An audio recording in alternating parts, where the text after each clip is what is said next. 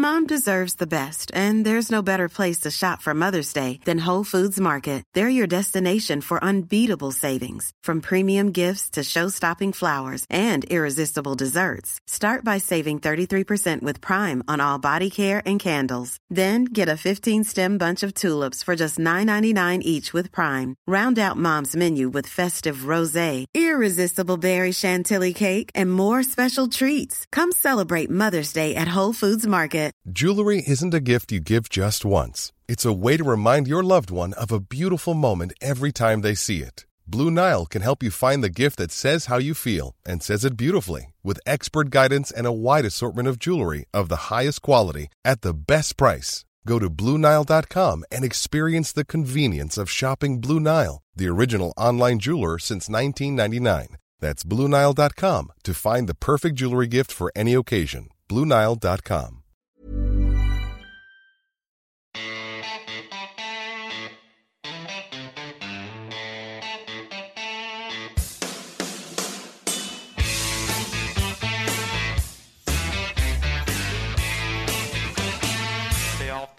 weed. Da var vi tilbake med den store Ryder Cup-podkasten.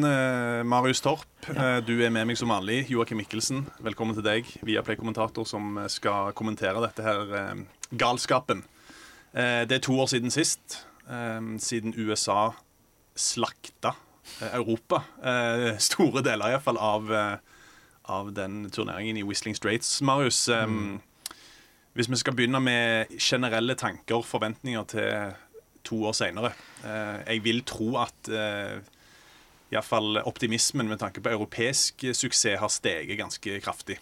Ja, jeg tror det blir en jevnere, jevnere utgave denne gangen. Eh, Jeg ser ikke det styrkeforholdet Vi, vi spådde vel at det kunne bli stygt. husk når vi satt der for eh, to år siden, da. Så spådde vi vel at det kunne bli stygt hvis eh, USA fyrte på alle sylindere, og det gjorde de jo virkelig. Og så var det vel ikke sånn at noen av europeerne heller, bortsett fra kanskje Ram, delvis, var eh, litt eh, heit. Men det holder ikke med én heit spanjol for, for Europa. Man må ha mer, så man ble rett og slett bare kjørt i senk av USA, og det, det tror jeg ikke kommer til å skje denne gangen. Hva er det? 30 år siden? 30 år siden de har vunnet i, på europeisk eh, 1993. Stemmer. Ja, da, så det, det er noe de skal gjøre som de ikke har gjort på en god stund. da. Så jeg tror det blir jevnere, og Europa har vært veldig gode til å sette opp banene og gjøre de utgavene i Europa Favorisere de for hjemmelaget, så det blir veldig spennende å se. Men at det blir 19-9 denne gangen, det tviler jeg selv på.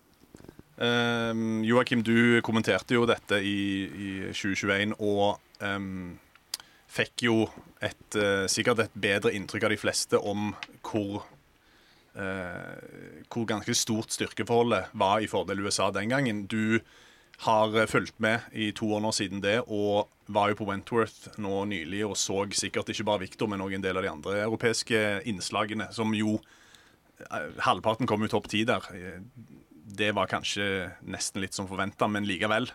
Eh, Hva er ditt inntrykk av eh, styrkeforholdet nå kontra 2021? Jeg er jo helt enig med Marius at jeg har vanskelig for å se 19 igjen. Jeg, håper det ikke blir sånn, eh, i alle fall. Um, man trodde jo kanskje med det generasjonsskiftet som er på gang i Europa, lurte man litt på hvem kommer egentlig etter.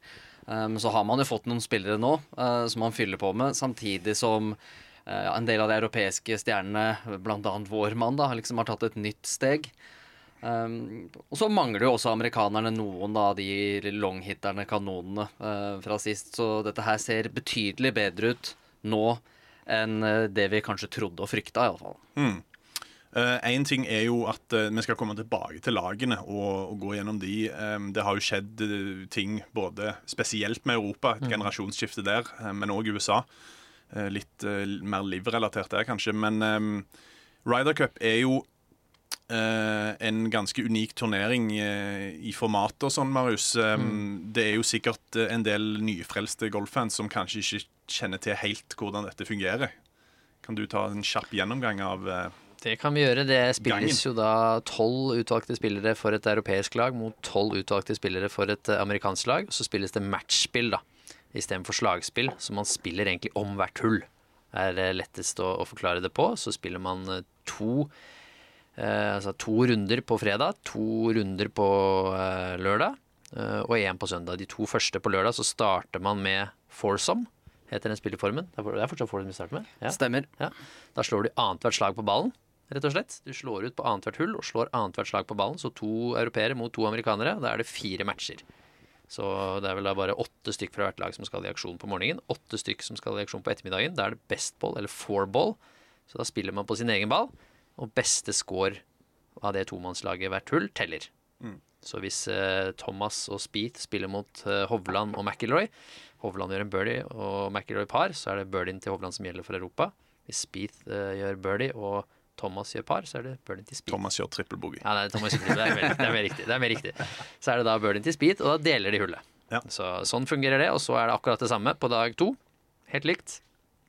Og så skal da alle tolv i aksjon på søndag. Da er det singelmatch. Én mot én. Så da er det jo tolv poeng å hente der, da, så det gjør jo søndagen veldig veldig interessant. Da kan man jo komme fra fire-fem poeng bak og ha en fantastisk dag og klare å kapre det inn som Europa gjorde på Medina. Det er Miracle at Medina, for eksempel, som har skjedd flere ganger. Men eh, det er gangen i det.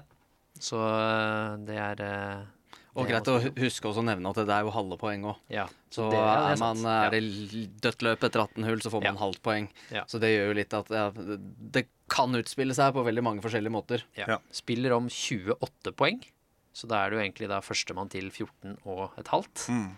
Og for eh, USA sin del, som er regjerende mestere, så trenger vel de da bare komme seg til 14 for å retain the Ja. trophy, da.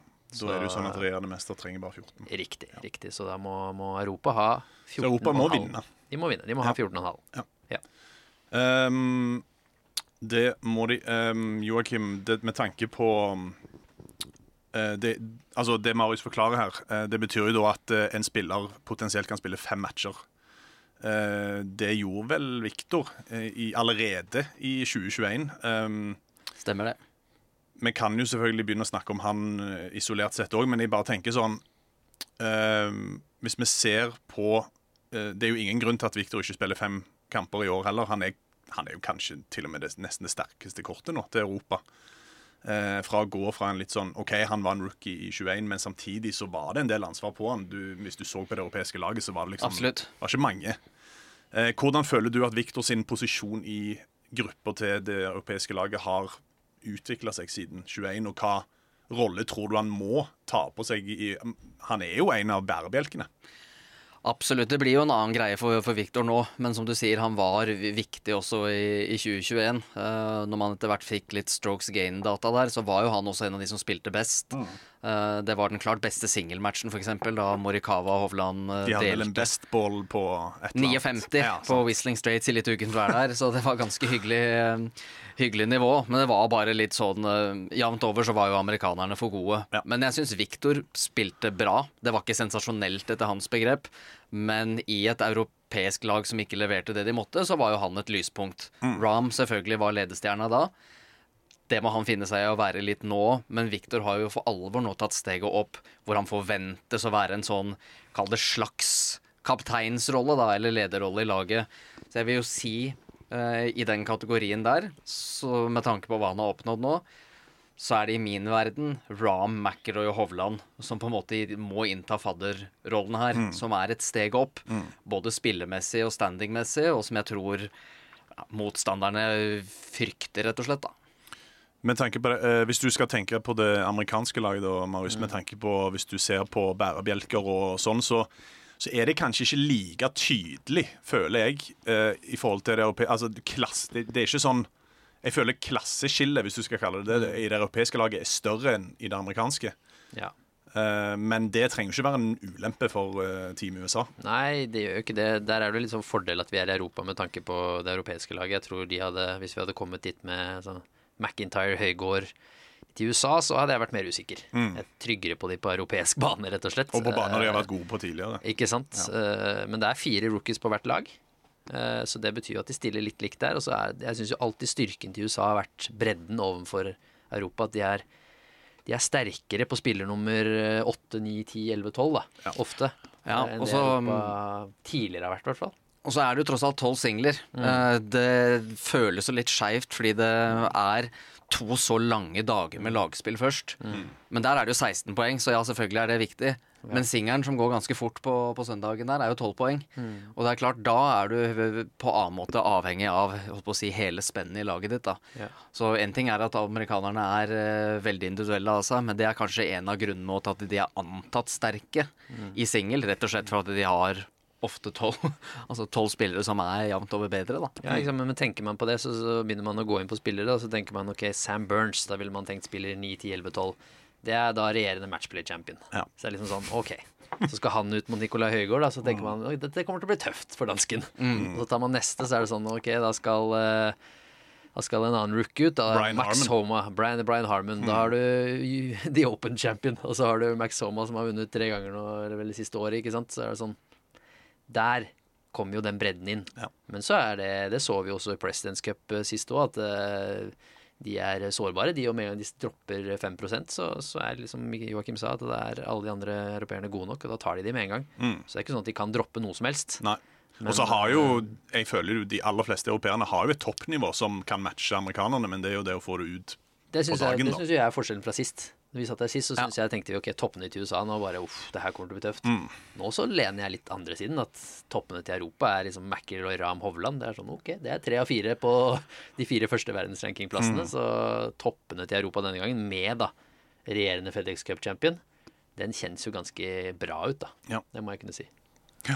Um, vi skal selvfølgelig komme nærmere tilbake og diskutere både eh, terningkast og det ene og det andre. Men um, vi kan jo begynne egentlig med uttakene, da. Uh, for der har det jo vært ganske mye Iallfall det europeiske har det jo vært ganske mye ståhei rundt. Men vi kan jo begynne med USA, da.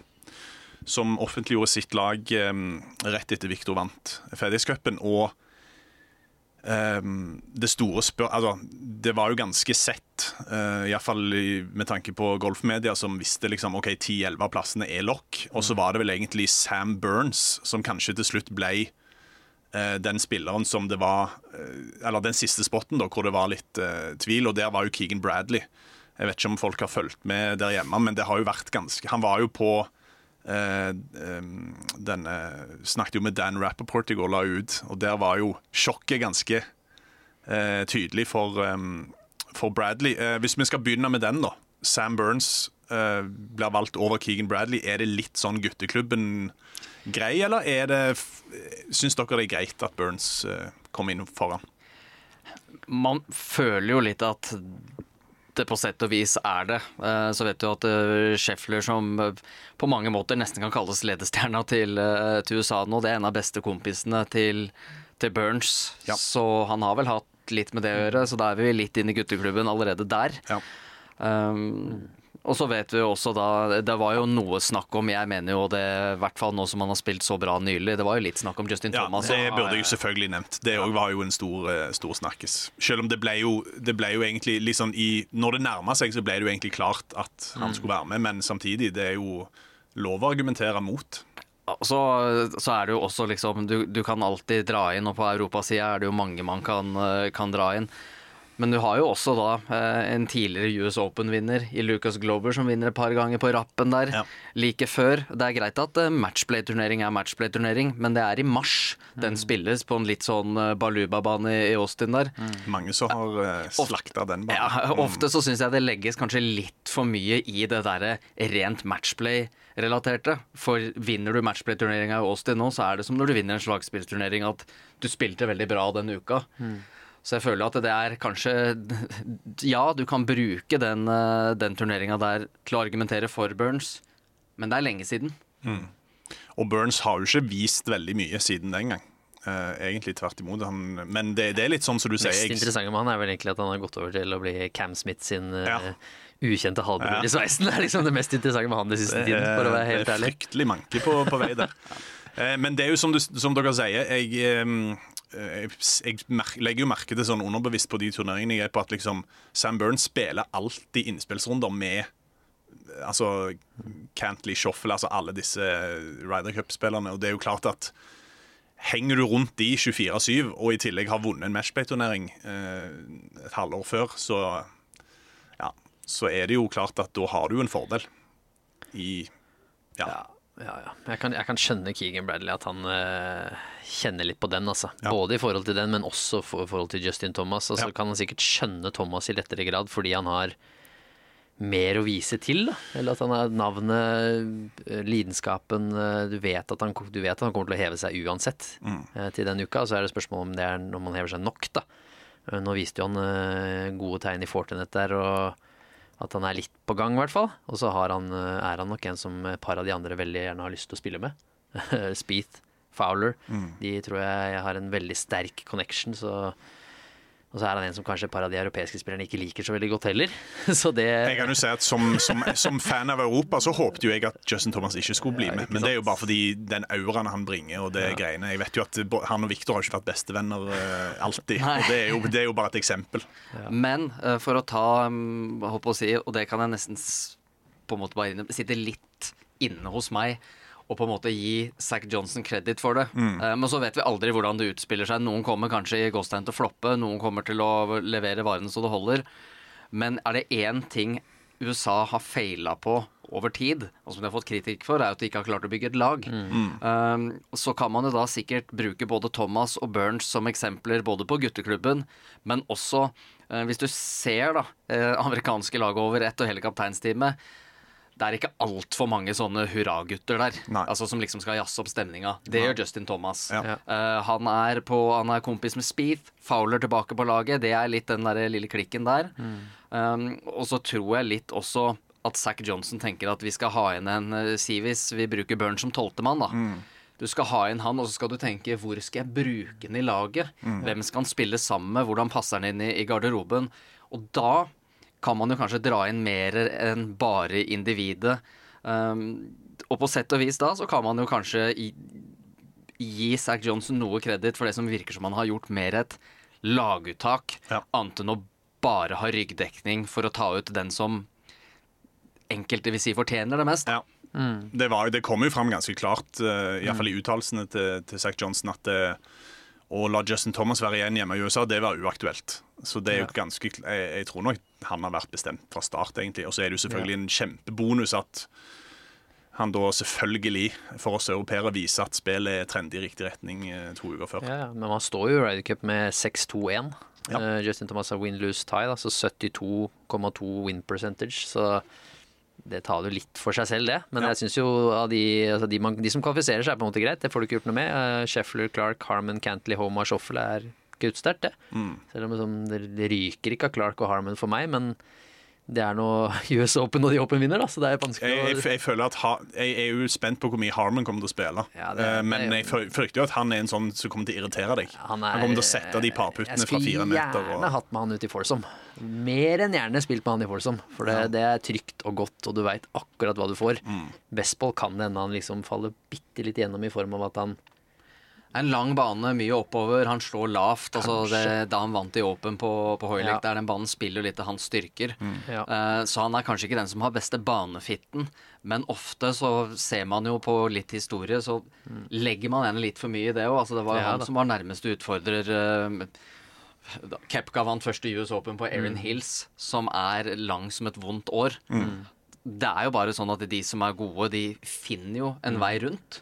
Eh, og så har jo han den faktoren som dere er inne på her, at han er den, den bulldoggen fryktelig slitsom å ha med å gjøre. Så syns jeg liksom at uh, Captain's Picks, uh, Cupka, Speed, Morikawa, Fowler er ganske straight forward, egentlig. Det, det var helt som forventet. Det tror jeg alle skjønte at kom til å skje. Og så var man usikker på de to siste. Da. Så at man tok Justin Thomas, var vel egentlig det folk også trodde kom til å skje. Så var det egentlig bare den ene da, hvor, uh, hvor Burns får uh, laguttaket, som jeg er enig med Joakim, at han får liksom den plassen på grunn av, mye av det. da. hvor mye tror dere JT kommer til å spille? Tror dere han spiller den første Ja. Jeg tror det. Jeg tror det. Jeg Jeg Jeg tror egentlig, i hvert fall basert også på det hvor bastant Zack Johnson var, så tror jeg de kommer til å prøve å bygge opp han og gi han all den, eh, den tilliten. Så jeg tror på rein historie altså at han kommer til å spille en slags sånn, eh, sånn ankerrolle. Også hvis du tar med psykologiske faktoren, at det er uh, første session der. Uh, det koker på første ti. Uh, litt den skremselsfaktoren som eh, Thomas tross alt har. Og jeg ville, jeg ville nok tenkt at uh, sende ut tidlig, egentlig. Ja, jeg tror ikke han kommer først, men jeg tror han kommer med speed Ja. i match to eller tre. Og da er det litt sånn oh, here we go, ikke sant. Når det skal trekkes dagen før der, og så hører du ja, vi skal møte de, ok. Ja. Jeg tror vi fort får eh, Jeg føler at det første Det, det veit man ikke. Zack Johnson kan overraske, men sånn Vi kan komme inn på det litt etterpå, sikkert. Men, Ja, men vi eh, kan ta det nå med hva dere tror blir eh, første fire pairings. Jeg blir veldig overraska hvis ikke vi ser eh, Shoffel og Cantley Ja, det- det litt tidlig derfra. Ja. Det ble jeg veldig overraska hvis ikke vi ser eh, de to. De er, eh, de er tett. Eh, så hvis jeg skal Ja, det er vanskelig å tippe, men jeg tipper hvis du skal ta den foursome-pairingen først, da, så tipper jeg Shoffel Cantley. Tipper jeg Speed Thomas. Tipper jeg Homa Morikawa. Sånn California-duo der. Ja. California duo, for Morikawa spilte vel ganske bra med DJ sist. Mm. Eh, DJ tok jo fem av fem mulig, så han er jo, kom jo ikke, er ikke med den gangen. Morikawa Homa Så han var vet skuffa jeg- Jeg har jo snakket om Morikawa og snakket om at han liksom, hver gang han blir paira med Homa på turen, så er det sånn ah, perfekt. Min drømmepartner, liksom. Så, og samme, så jeg tror kanskje det ligger igjen. Og så er jeg litt mer opp på den siste fjerde, jeg, jeg, for min del. da. Du har jo kompis, du og der, da. Så Fowler har jo vært en slags sånn mentor for Wyndham Clark. Eh, Ja, så står jo ikke han ut som nødvendigvis noe foursome-spiller her. Men når vi kommer inn på banen, da, så er det veldig bra inndeling. Du kan en som Ja. kan bombe ut driver. Så det er en mulig duo. Om det ikke blir i foursome, så vil vi nok få se Så vi dropper verdenseneren, med andre Det ord. var det jeg skulle si. Vi må vel sette inn Nei, jeg tror eh, Så hvem kommer med Scheffler, da? Jeg lurer på kanskje på om vi kan få Scheffler Burns. Ja. I og med at de er kompiser, at Scheffler kommer til å prøve å argumentere for kjemien de har seg imellom, at de er gode kompiser og, og trener. Mm. Så jeg, vi blir overraska om de ikke får noen session sammen. Um, Ja. Det er jo ganske sykt hvis du altså, men skal du Isolert utlage Kepka igjen, da? Skal du benke Kepka? Det, Ja, og så si si hvis det blir um, Kan man spille Kepka Shuffler? Altså Kepka Nei, det Scheffler? jeg, jeg, tror, jeg har ikke hørt at det er en aktuell pairing. Jeg har hørt at Morikawa-Scheffler er mer aktuelt. Men det er jo Spørsmålet klart- er jo da Er det noen her som har um, å si, lagt Kepka noe for hat i hele den der Liv-sagaen? Uh, de må jo bare finne ut av det. Um, jeg tror jo ikke det, men um, Nei, det, er, det, blir, det blir spennende å se. Det er liksom, ok, Du har de to dere har nevnt. altså Speed Thomas tipper jeg spiller, så har du Shuffle og Cantley, men så utenom så, To første bearings ut i Presidents Cup, da, som er siste lagturnering, er Cantley, og Speed, Thomas. Ja. Der kom Scheffler, Burns rett etterpå. Og Ja. så Morikawa, Cam Young den gangen, da. ja, Han var vel òg aktuell, sånn Der spiller Speed Thomas, Scheffler, Burns, Cantley, Shuffle spiller to første dagene sammen. Ja, egentlig alle tre første dagene, og så miksa han litt på Nei, Thomas Speed spiller alt sammen. Mm. Uh, Cantley, Shoffler spiller sammen. Scheffler, Burns, og så får Burns med Horshall siste bestballen. Så de har jo ja, Det ligger jo der, da. Fra sist Ja, men samtidig så ligger det litt sånn Jeg skal ikke si at det kommer til å bli dårlig stemning i den amerikanske campen her, men du har det jo kan det jo bli, det ja, du har jo, du har jo, du har jo potensielle major-vinnere og, Ja. og formspillere her som kommer til å bli utlatt på dag én. Eller i hvert fall i den første eh, åttergruppa, da. Sist Ryder Cup så starta de Thomas Spitt ut først. Johnson Morikawa, Kepka Burger og Cantley Shoffele. Ja. Det var USA. Så Cantley Shoffele må vi kunne banke at kommer Ja, et eller annet sted. Speed Thomas er vel Jeg føler det skal mye til for å ikke Det er eventuelt, da. Om du tenker at Thomas er litt for ustabil i Folsom, om at han ikke har spilt så bra, og dytter inn Fowler, da. Det er jo kompis nummer to der. Ja, det, kommer, det kommer veldig an på. Vi får jo sikkert se hvor mye gutteklubbpreg det er i oppsett, og hvor mye de bare går på statistikk, styrker. Men som vanlig eh, så har de jo stort sett bare luksusproblemer, egentlig. Jeg lanserer en nå, som spilte treningsrunde i Open sammen. Det var faktisk Harman og Cupka. Ja. ikke jeg så på. De spilte treningsrunden sammen på Liverpool. Så det er eh, Da kan du jo dra Da kan du jo dra Da kan du dra fordel av lange driver på Kepka, da, for det er en ganske klar, klar inndeling her på hvordan man bør sette det opp. Men eh, jeg føler kanskje da altså det, det blir vanskelig å konkludere med noe, men jeg tror vi kan låse to av dem. Uh, og Schäfler må jo spille, ja. selv om han har gips. Og Ja, da det- blir det litt, da blir det litt sånn nå igjen, du kan også sette opp her, så spiller man bra, så kan du ha én spiller som får veldig mange førsteputter. Så si hvis Scheffler får lov til å slå sine jernslag da, etter Burns sine driver, og så kan han få lov til å putte, så tipper jeg nok han har Sikkert hviska mye i øret for å få Burns inn på det laget. tror jeg også. Han kommer nok ikke til å hviske noe mindre for at de to skal få spille sammen. Men um, Så har ikke akkurat Burns vært en rev på grinene det siste halvåret, han heller, så det blir interessant. Jeg kan jo håpe han gir et par sånne femfotreturer da. Da kan det bli Ja, veldig, det veldig gøy. Mm. Men eh, nei, Thomas Beat, Cantley Shoffle jeg, jeg, føler, jeg, jeg har en følelse på Morikawa Homa. Bare sånn ut ifra Southern California.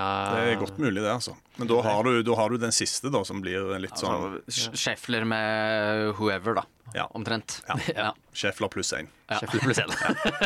Eh, til slutt på det amerikanske laget så kan vi jo ta kjapt eh, ins and outs da, fra forrige gang.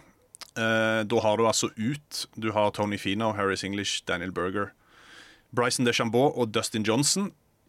Og så har du da inn eh, Burns var ikke forrige gang. Nei. Nei. Inn med Burns, Wyndham Clark, Ricky Fowler, Brian Harmon, Max Homa. Ja. Det er det. Det er det.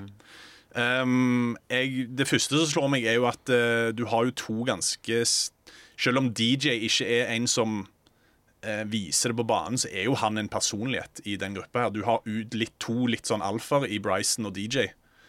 Hva kan det gjøre med Ja, jeg tror at akkurat de to er jo egentlig de som på en måte er mest verdt å snakke om. For én Ja. ting er det du nevner med alfaer. Uh, Burger English Finau er jo egentlig altså Det er litt sånn De kan på en måte Det er litt erstattes. stallfyll. Ja. Ja. Uh, men hvis du da tenker på de foregående Ryder Cups, da en at det er jo bombers. eh, og veldig gode spillere på, på, egentlig på alle måter, både DJ og, og Bryson. Og de er litt sånn, har den derre frykteffekten. DJ tok fem av fem mulige poeng forrige gang i USA. Han er, eh, han er ute.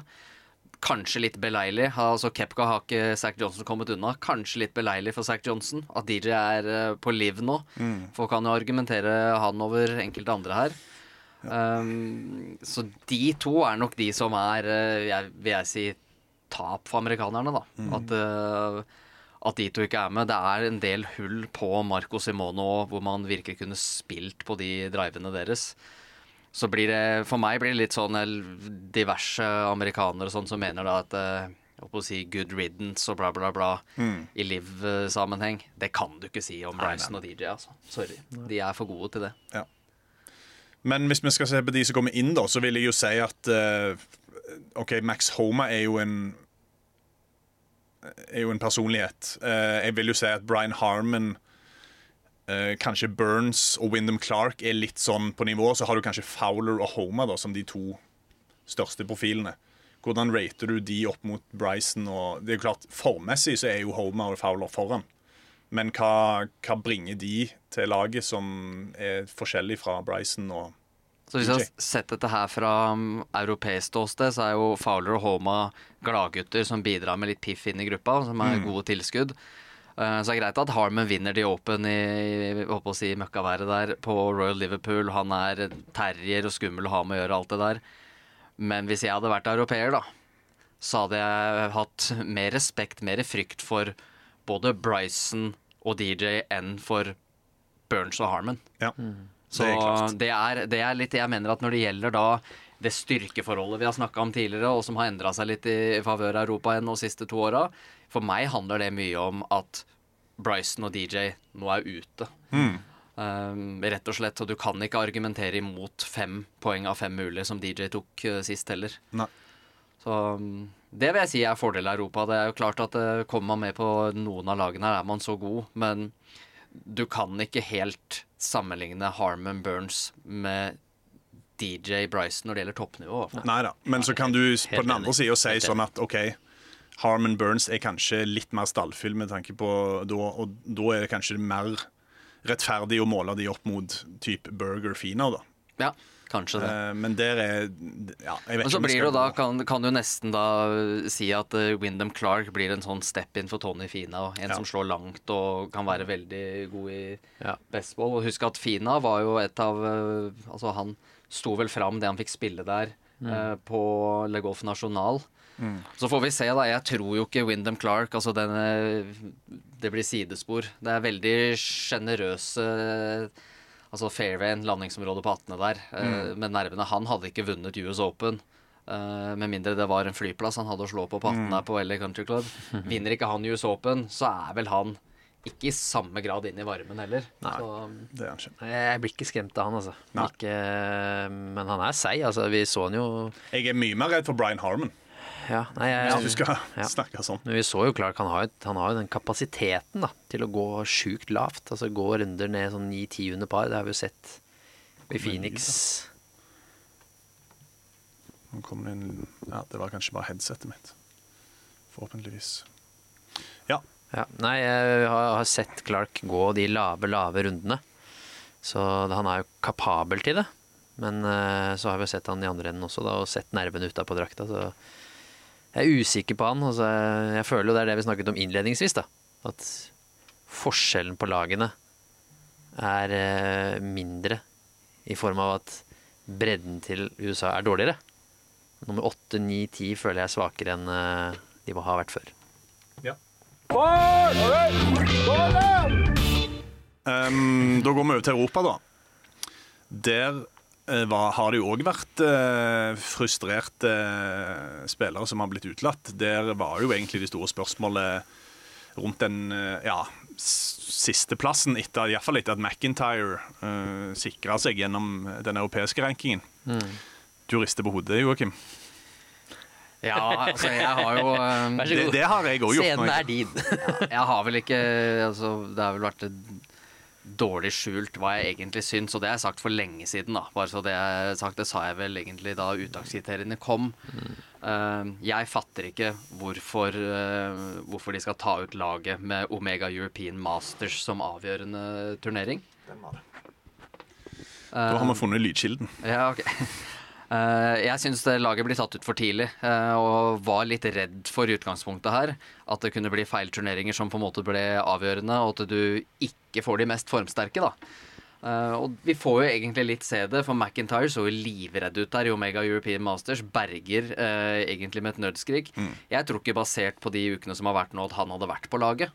Eh, om han hadde venta til etter Wentworth. Jeg tror ikke han hadde vært der. Ikke hadde han tatt den automatiske plassen, og hadde heller ikke fått captain's pick. Helt enig. Um, Helt enig. Så hvordan de da kan ta og ha med BMW PGA Championship 2022 som en turnering som gir masse poeng, og så gir ikke årets utgave to uker før en dritt, det er for meg helt ubegripelig. Hvordan de kan kjøre det oppsettet der. Um, så det er bare sånn For meg blir det, blir det helt gærent. Og så slår jo det feil ut, for Meronk han hadde tatt en plass. Uh, og så vet jeg at argumentet ja, de skal ha en teambuilding der. Dag i Roma, vær så snill, da. Ta med 15 mann ned dit, da. Og så får vi se. Hvis det er der skoen trykker. Uh, Jeg syns Europa bommer i, eh, i hele uttaksvarianten her. Så er det ikke dermed sagt. Altså, man kan jo after the fact genierklære hvis de vinner og gjør det bra.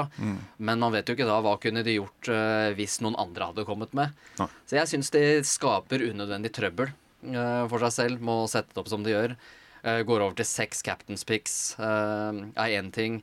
En annen ting som har gått litt i bakgrunnen her, som ikke har blitt snakka om, det er at de har valgt å ta legge større vekt på mindre turneringer på europaturen enn før. Så du nå får bedre betalt for å prestere i ræva felt enn man gjorde tidligere. Eh, Jeg har bare sett på hele rekka av ting der så skjønner jeg ikke hva de har, har tenkt med. Så er det jo klart at alle de beste kommer jo med på laget. Så kan man lure på hvor mye får siste to-tre å si. Men jeg syns det er kan ha jeg mye å si, det. Ja, jeg syns det, eh, synes det er veldig merkelig, altså måten de valgte å, å gjøre det på den gangen her. Så tror jeg rett og slett at hadde man venta to uker, tatt med Irish Open og BMW PG Championship, som er store turneringer på europaturen, så er det kjapt to mann som er med nå, som ikke hadde vært med. Og da er det Nikolai Høiger og Bob. McIntyre Ja. for Meronk. Og Vincent Normann, da. Vincent Normann, Ja. antagelig. Eh, Det, er er lett å ikke sant, Du kan finne argumenter for mange forskjellige her. Men han vinner to ganger, da. Én i USA og Irish Open i løpet av altså, to måneders tid. Du kommer ikke helt unna det. Eh, I min verden. Nicolai Høgård har ikke vunnet på halvannet år. Nei. Så mm, jeg syns den, eh, den er litt tøff, da. Rett og slett. Ja.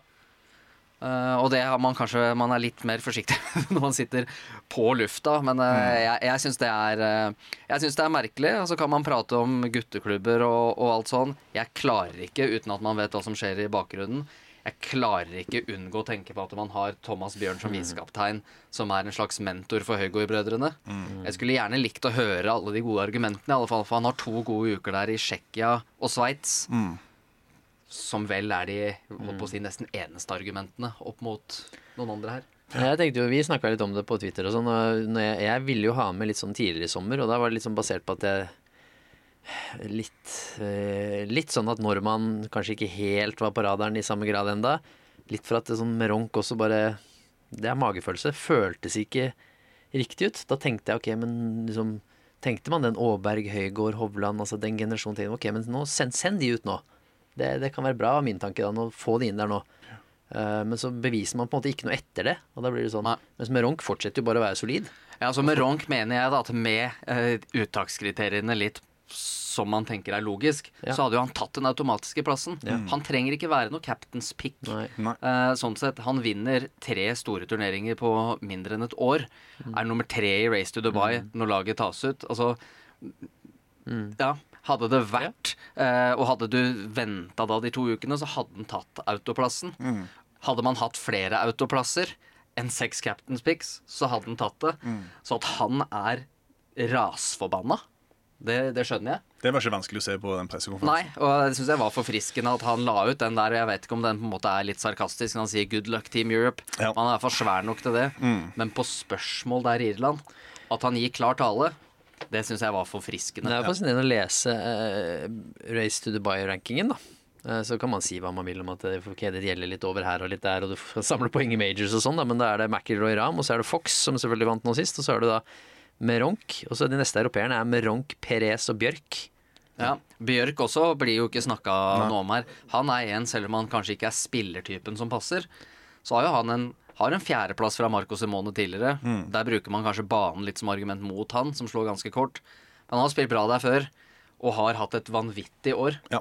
Så han er i hvert fall en av få som er på den lista som kanskje kan ja, ha retten til å føle seg litt oversett, da. Og han og Meronk er jo der ved å ha spilt 21, altså spilt 20 turneringer også, så de har spilt mye og spilt bra over Lang flere turneringer. Og de har ikke bare seks turneringer som Ram har, ikke sant, så ligger der oppe. Så de har bevist noe over en lengre periode og flere turneringer. Så sånn sett er det litt vanskelig å skjønne, så jeg er enig med, med Joakim at det liksom Det samsvarer ikke helt, på en måte. Nei. Det, det, uttakskriteriene med små turneringer, eh, seks captain's picks, stopper der det stopper, så samsvarer det ikke.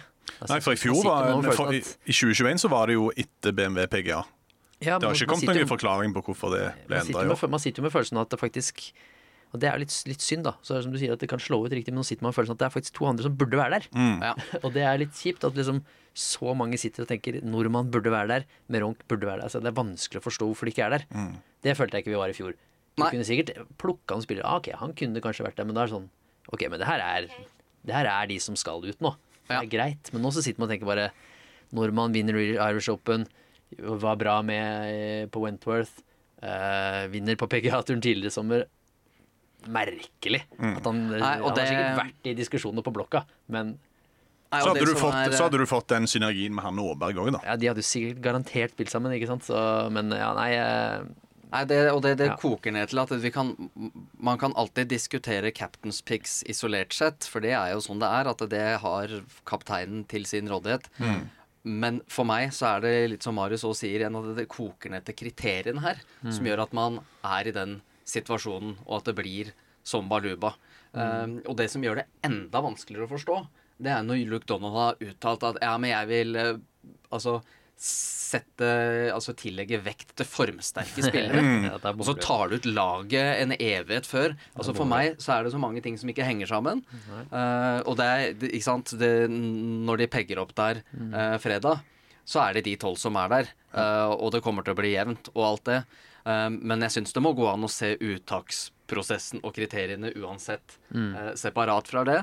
Det håper jeg de endrer til neste gang, for jeg får ikke det til å rime. Det eneste argumentet de har kommet med for å ta ut så tidlig, det er at de skal ha én dag hvor de flyr ned til Roma, spiller en runde, slår noen baller og spiser middag.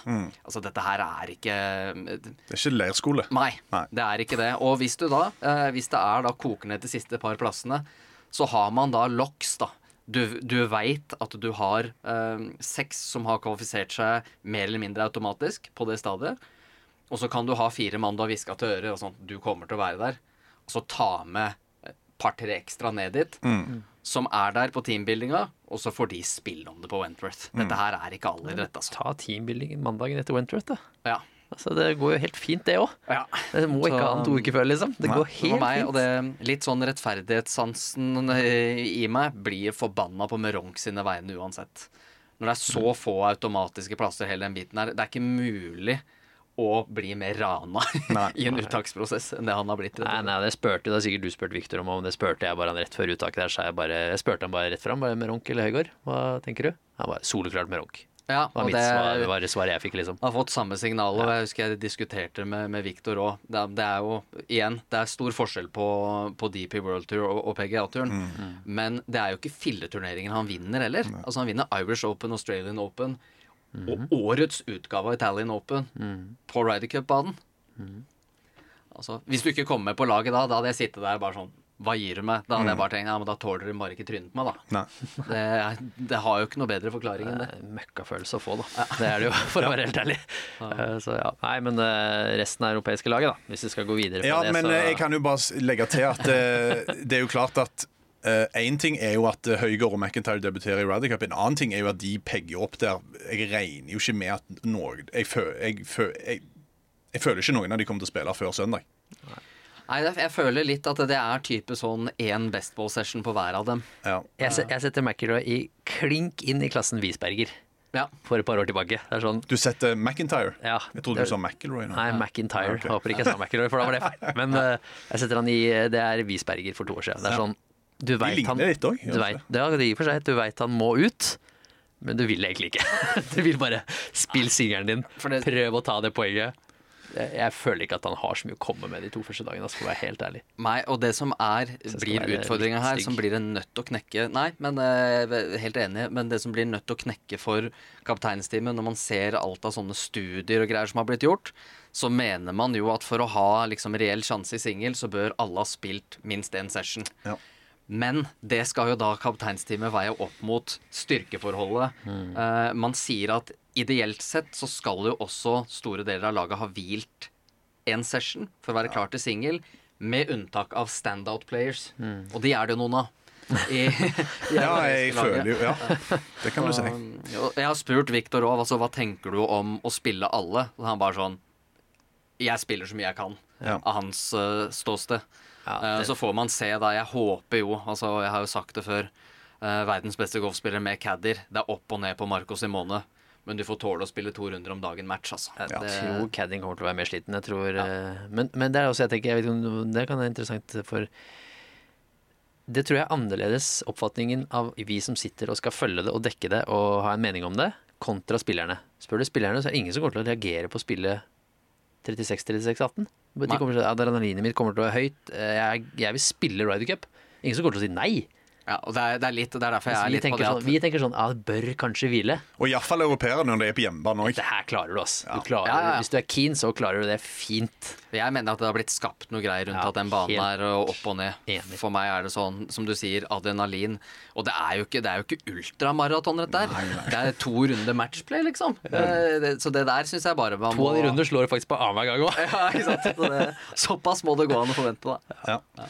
Um, vi får jo bare håpe da, for Høygaard og McIntyres del at uh, det ikke blir uh, For deres del at det ikke blir de to som utgjør uh... Man kan, man kan ikke kjøre Ryder Cup i et breddeprinsipp her. Man kan Nei. ikke kjøre alle Nei. skal med. i Ryder, altså, Nei, men for- vi får jo håpe da at iallfall på søndag at de ikke gjør seg helt bort i Ja, singelskampene. Ja, for da kommer jo dette hylekoret til å Hvis ikke innspillsrundene tilsier et eller annet, hvor du ser, og du kan se det på innspillsrundene hvis McIntyre er altså laser med driveren, da, og du ser at han er på på grinene, han har følelsen, setter god del putter, så er det selvfølgelig en faktor at ok, men her har vi en som faktisk er på.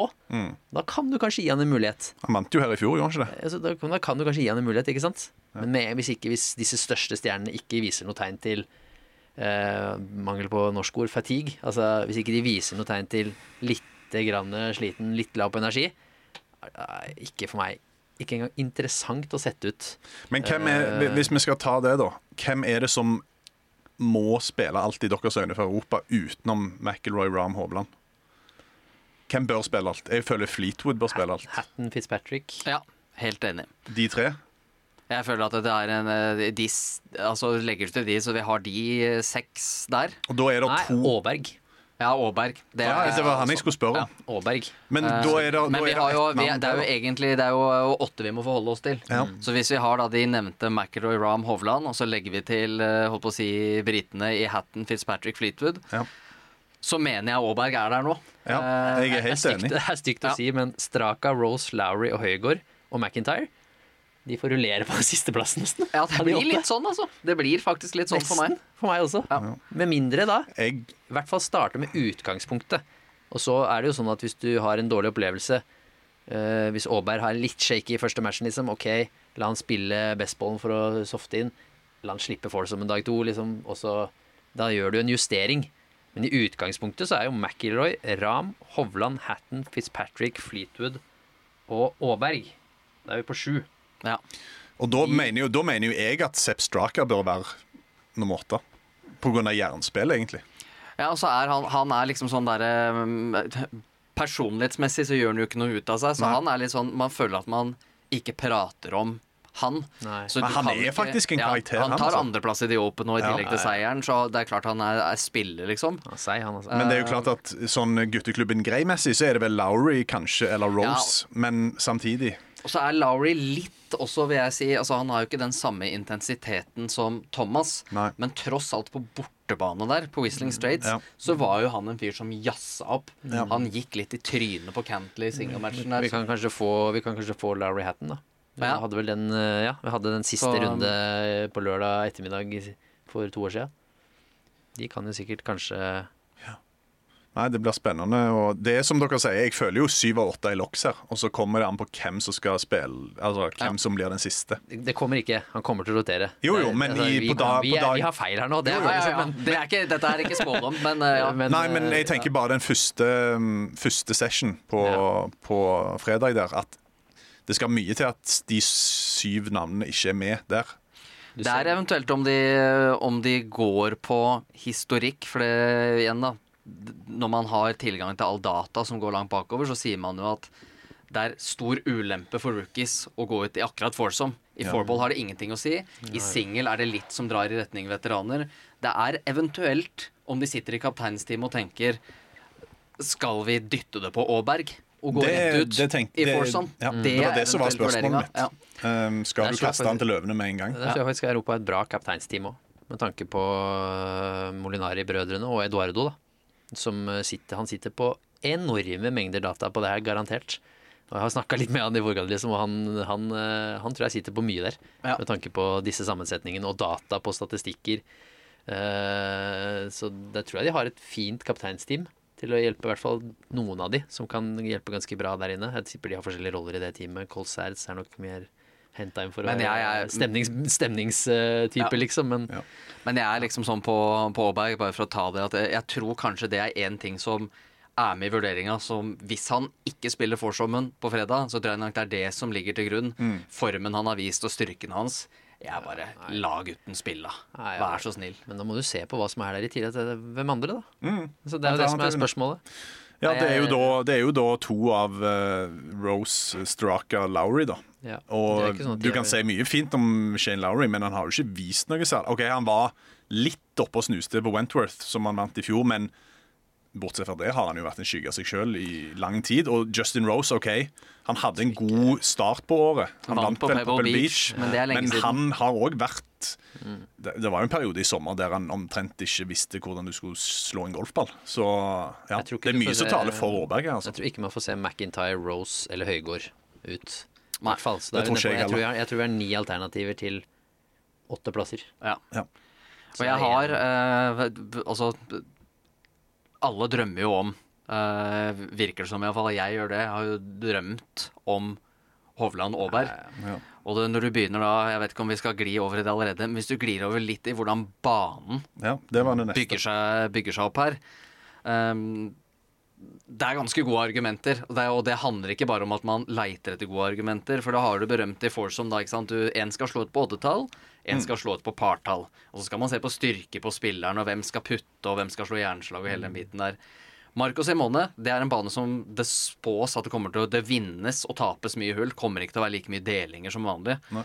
Og inndelinga på banen den er ganske klar. Eh, Du bør la den som er i paret ditt antatt best og lengst fra ti, slå ut på partall. For du har hull to, som er et veldig langt par fire-hull. Åtte, som er et veldig langt par fire-hull, som beste driveren må slå ut på. Du får to par fem-hull i 12 og 18. 14, veldig langt par fire-hull. Og du har 16 som er drivebart par fire-hull. Alle de partallene der bør du ha den beste driveren til å slå. Da skjønner du også at hvis den beste til å drive slår ut på det hullet, så er det jo beste jernspilleren som skal slå andreslaget på par fem eller langt andreslag på par fire. I tillegg da så vil jo da den da som får oddetall få tre av fire par trehull på den banen. Så det er helt klart her hvor er drivene, hvor er uh, Det blir straka på oddetall, for å si det sånn. Det blir Jo, men det er jo, en, det er jo også en, en, eh, en, noe som taler for straka, da, med tanke på hans jernspill. Ja, men jeg har jo tenkt på det. Kan ikke Ludde Aaberg gå og slå driver, da? Og så kan Victor gå og slå jernslag. Det kan han. Ja, så lenge de jernslagene er over 150 yards, da. Så Ja, det er sant. Ja, det er jeg ikke helt enig i. Hvis du ser var på, på Wentworth nå, var det jo det var bra, det var bra der. Det var bra Ja. der. Det var Så- mye, mye bedre der. Helt riktig. Men det er fordi jeg, syns så ofte det som er litt sånn oversett når du skal bryte ned der, og det kan du være helt sikker på at det har kapteinsteamet full kontroll på, men ofte når eh, si, vi som synser, da, og folk mener noe om sånne sammensetninger, så fokuseres det mye på fra ti. Og det snakker om hvem som skal ha førsteputt. Og så glemmer man da at det viktigste parameteret for strokes gain, det er jo jernslag og innspill. Så jeg tenker at man kan ta utgangspunkt i det, og da kan man i teorien få en, en sånn variant her hvor Hovland får slå andreslag inn på tøffe par firehull og par femhull, og får slå ut på par trehullene. Og så kan Aaberg, som har vært best på ti, eh, fra ti på PGA-turen siden i våres, gå og drive, som et eksempel, da. Ja. Eh, fordi det som er litt logisk i bristen når man prater om at ja, men vi, vi må tenke mye på hvem som har førsteputter. Eh, det er fair, det. Men uansett hvor god du er til å putte, så er det ingen som setter mange langputter. Nei. Det er det ikke, altså, det er ikke noe statistikk som backer det. Så for at puttinga i det hele tatt skal bli et tema, så må du ha bygd opp sånn at du har gode muligheter for birdie da, og til å vinne hull. Eh, og der er det ganske klart. Få bomberen til å slå ut på partall. La jernspilleren, uh, sniperen, slå på oddetall. Og så kan du begynne å gjette litt pairings derfra. Ja. Nei, jeg syns jeg, jeg, altså, Hvis vi har to To og en halv klare pairings på eh, USA-siden, så føler jeg det er Jeg føler det er vanskelig. Bare på å si Mye vanskeligere. ekstremt vanskelig. Jeg, Jeg føler ingen lå, du har ingen locks her. Jeg lå i senga i går og tenkte Ja. Hvem er det jeg vil se sammen? Og så begynte jeg å sette sammen. Altså, okay, jeg, vil, jeg vil jo selvfølgelig sammen med Joakim se Viktor og Ludvig Aaberg. Ok, da er det én. Og så ok, hvem andre kan liksom gå sammen, da? Vi kan jo ha Hatton og Lowry, var da jeg tenkte på. Ok, det var en bra fit. De, de vant jo sist. Det, det kan være fint å bygge videre på. Ok, ja, greit. Og så er det som Fitzpatrick som kan spille med. Ja, men Fleetwood kunne vært en fin partner på Fitzpatrick. Da, vi en- Shit, da sitter vi igjen med McIlroy Ram! Så ble- var det avslutta da med. Ja. Oi! Det så vet vært jo da, altså, um, med tanke på, med tanke på Victor, da, um, så var jo han uh, Han nevner jo første navnet han nevner når man spør hvem han ønsker å spille med, er faktisk Fitzpatrick. Ja. Og så kommer Hatton, og så kommer Fleetwood. Og så man får dratt litt mer på det, så er, nevnes også Aaberg. Eh, en del av ryktene går jo litt på McIlroy Aaberg. Holdt på å si eh, en bauta ut med en rookie. Og, og han er jo tross alt en skummel rookie òg. Men kommer McIlroy til å gi bort utslagene til Nei, det er det, da. Eh, Men jeg syns jo da, med tanke på Og så er det litt òg når du er så god som Victor, det er pick your poison. Skal han slå driver? Men sånn sisteTida nå, hvis vi bruker Wentworth, da, kanskje ikke så bra fra ti, men vass med alt av jern. Jeg føler jo bare at eh, ja, hvis man hadde fått lov til å si noe til kapteinsteamet, så tror jeg det er den lille tingen jeg ville hviska for at vi skulle få det som, eh, som vi vil, da. som vi ønsker. Ja. Ja, hvis vi, har, hvis vi sier Hovland Aaberg, da. Nei, jeg, jeg, tror ikke det. Jeg tror Nei, jeg, jeg, jeg, Jeg tror heller ikke det. Jeg tror det blir McIlroy Aaberg. Ja, det ryktene går på det. Prøv å sende ut liksom litt sånn Så tror jeg det blir Hovland Fitz. hvis, hvis, man Ja. setter, hvis man setter ut litt sånn For det følte jeg sist gang når vi hadde åpningsseremonien på torsdag. Og så, For da følte jeg litt når de pairingene kom da, så var, var forventningene høyere litt til McIlroy Hovland, for vi så at de hadde spilt treningsrunde sammen og sånn. Så, kom, så kommer Speed Thomas, så vi bare Unnskyld banningen, da bare faen. Ikke sant? Og så kommer Johnson Morikawa, faen. Ja. Og så kommer Cantley Shoffele sist, da bare faen. Ja. Så liksom, og det og det ender jo med 3-1, så man vil jo gjerne ha den liksom fear factoren inn der. Ja. Den vil man gjerne ha inn, altså. I mine, mine øyne, i hvert fall. Mm. Det er det som er psykologien til spillerne. De tenker bare ah, Jeg er fett med den jeg spiller med. Shit, jeg ville ikke ha de amerikanerne sammen. Jeg ville ikke ha de sammen. Så Nei, kanskje men- man kan få, da. Får man ut først, så får man Ram Eller så får man McIlroy Aaberg. Så vil amerikanerne tenke fuck. Ja, ikke sant? Og så kommer kanskje da Hovland Fitzpatrick. Nei, Den er- den er kjip. Ja. Og så kommer Ram Da må vi velge, da. Ja. Ram Hatton? Eller? Altså Nei, det vet jeg ikke. Det blir det overload. Mental overload. Nei, jeg vet Men- ikke. Nei, du vet ikke. Men uh, det er jo litt sånn derre Prøve å bygge et eller annet sånt. At vi klarer å sette litt sånn Der savner jo faktisk, uh, selv om det, det har gått noen år, der savner man jo Garcia. Ja. For den hadde vært liksom sende ut den der med all historie på spanjoler og alt sånt, for den hadde på en måte vært satt. Da hadde de kjørt ut Ram Garcia først. Garcia som er så god ballstriker, og han har jo trygla og bedt om å komme inn på et eller annet vis, men det har bare ikke gått, da. Det hadde vært, det hadde vært fett hvis jeg tar den altså, bare, Nå bare tar jeg personlig min uh, i går kveld-scenario. da Kjører du ut først, så bare oh, McIlroy Ram. Så bare, oh shit. Ja. Og så Håb- Aaberg Hovland. Oh, fuck. da hadde jeg tenkt liksom som amerikaner bare dette her Vi må i hvert fall prøve å få de tredje- og fjerde matchen her, hadde jeg tenkt da. da. Og så får man jo da stabilitet kanskje i Fitzpatrick Fleetwood. Og så kommer Hatton Lowry. Jeg syns faktisk ikke det er Ja. så ille sammensetning. Så føler jeg litt egentlig at uh, Lowry han er jo en som kan gå med flere av de engelskmennene Ja, og kan flytte litt rundt på. Så Altså, det er jo ikke unaturlig. det er jo fordelen til Lowry. Kontra Straka, da. Det Ja. har jo litt sånn re- relations. Ja. McIlroy Lowry er jo ikke usannsynlig. Nei, med tanke på Og den er jo skummel òg, for da får du litt den derre Håper å si Ram Garcia-effekten. Liksom Å ja, her kommer to sånne som kjenner hverandre, ja. Huff a meg. Ja. de har godt forhold, altså. Ja. Så McIlroy Lowry Men da er det Ram, da. Mm. Jeg føler Ram, Ram er på en måte en Han er ikke bare en sånn joker med tanke på hvem du skal paire opp med, han er jo òg en joker med tanke på at han har jo ikke vist noen ting. Rose spilte han med i Paris. Ja. Rose og Ram spilte med i Paris. Men da var Ram i en helt annen situasjon enn han er nå, da. Ja, men samtidig og er vi Hvis vi sier, da Hvis vi skal liksom legge til grunn at vi tror at Justin Thomas uansett vokser på situasjonen Hvis du ser forrige Ryder Ja, Cup, så er jeg- vel Ram litt ja. der òg. Ja, jeg håper jo det, men det har vært mye eh, hummer og kanari derfra, altså. Ja, men det er litt sånn det er, Jeg mener at det er ofte øh, man liker å liksom kjenne på følelser og finne narrativer og det Ja. der, men samtidig, når du pegger opp der øh, Det er golf fortsatt. Ja. Det er noen som skal slå den der jævla ballen. Så det er liksom ikke sånn at du bare det, Altså, det er magi som skjer, da, fordi det er matchplay plutselig. Mm. Det er vel ikke usannsynlig at man tenker uh, Hovland, Hovland Fleetwood hadde det veldig gøy sammen. Ja. Så det er vel ikke unaturlig. Nei, og er noe som Fleetwood er jo nevnt av Victor òg. Ja. Uh, eneste som er greia med Fitzpatrick, fortsatt er ballen. Det var så stor forskjell på ballene de hadde forrige skulle gang. spille forrige. Eh, nå sa Victor det til meg at han har drivet og testa en ball som spinner litt mer. Han syns hjerna sine spinner litt lite. Så jo det på Wentworth, at han misser Det var jo det han sa òg i Var det BMW? Ja. Ja, men det er fortsatt litt for Altså det er litt stort sprik mellom balltypene deres. Mm. Men hvis de kan klare å finne et eller annet kompromiss der, da. ja. Nei, da er jo kanskje ikke det så aktuelt. Jeg tror vi er, jeg tror det er, men det kan være en styrke for Europa. At man er litt mer sånn på de syv-åtte spillerne der, så er det litt faktisk hipp som opp. Ja. Og det kan være en styrke, altså. Men også er det sånn vi, vi, vi, vi spekulerer og vi tror og holder på, men vi hørte jo, eh, og så vet vi ikke om det er noe kapteinen har bedt om, eller om de bare gjorde det spontant. Hovland eh, og Aaberg spilte jo en bestball-match mot Fleetwood og McIlroy den dagen i Roma der.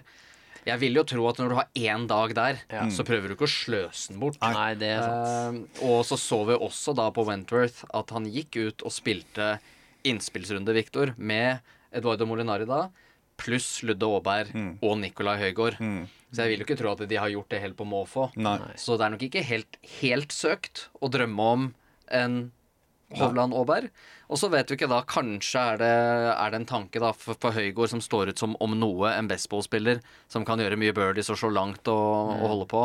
At kanskje man tenker at skal Viktor på en måte ta lederrollen i en bestball og dra med seg Det kan, der? være, det kan være at han får en lederrolle overfor både Aaberg og Ja. Høygård. Han tar med seg Aaberg ut, men altså, Aaberg kan jo fint gjøre tolv birdies han òg. Så det er sånn, Ja. hvis han spiller bra i foursome, så kommer ikke Høygård inn. Så Nei, enkelt er det. nei. Det tror ikke jeg heller. Men uh, jeg, jeg, jeg, ja, jeg, hvis vi kan hviske noe i øret til Donald, så hadde jeg jo sagt det. Ikke undervurder den skandinaviske Nei, og igjen da. der. eh, vi, har, vi har lite å gå på her, mm. men eh, spiller i hvert fall sammen da den dagen i Roma. Og dagen etterpå på Wentworth så går de ut og spiller innspillsrunde sammen. Victor Aaberg. Så jeg vil jo ikke tro at det er helt To random. pluss to er ikke fem. Nei. Eh, Det som jeg synes, i hvert fall synes er veldig bra, eh, det er jo at eh, ikke Ryder Cup ble spilt for tre måneder siden med tanke på Ludvig Aaberg og hans status i, i grupper. Fordi jeg husker bare når, første gang jeg så han på, på Bay Hill i fjor, eh, på innspillsrunden, så var det bare sånn Jeg trengte ikke mer enn tre hull, så tenkte jeg bare sånn Fy faen, han her kommer til å bli topp fem i verden. Eh, og det er jo bra at han har vist det såpass kjapt òg, da. Så er Men, jo eh, Fleetwood og McIlroy er jo veldig tight. Ja.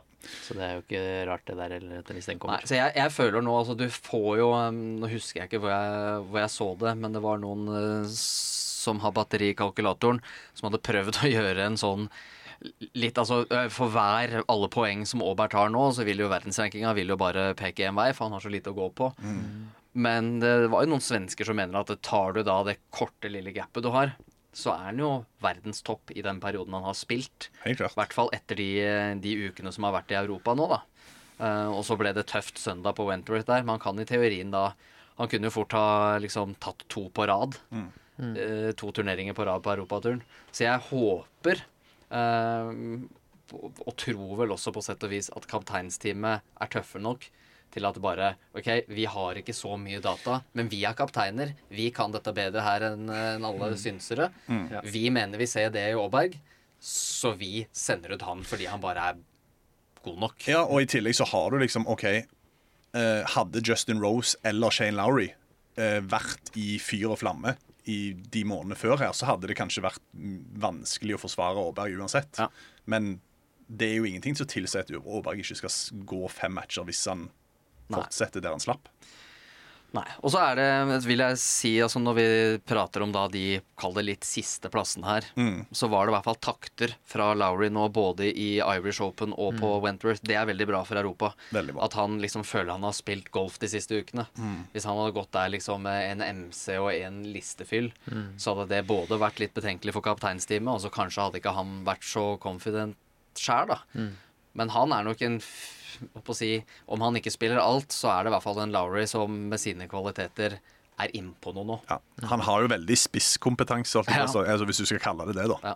Ja. Ekstremferdigheter som kan komme godt med. Eh, skal vi ta ins and out på Europa òg før vi går videre? Eh, der har du altså ut Paul Casey, eh, Lee Westwood, Bernt Wiesberger, Garcia, Paul Polter. Eh, I det så ligger det jo mye liv, selvfølgelig, men det ligger òg Jeg tror jo ikke Polter, Westwood, Garcia Garcia kunne fort ha vært med.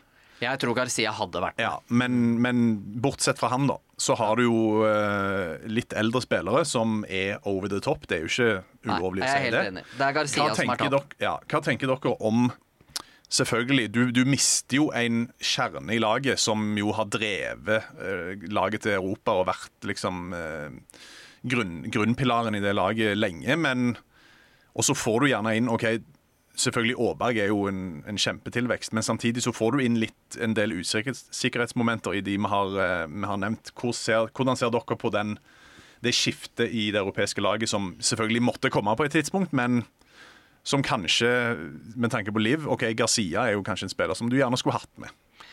Garcia er den som har tatt flest poeng i Ryder Cup noensinne. Uh, Spanjol i Ryder Cup. eh, han ble dratt mye av Ram der på Mm. Whistling Straits, men han bidrar med det inn i laget. Han har den intensiteten. Han har Han svarte jo Ja. når Ram dro han. Ja, bare, han har den historikken eh, og det, og er liksom en bauta.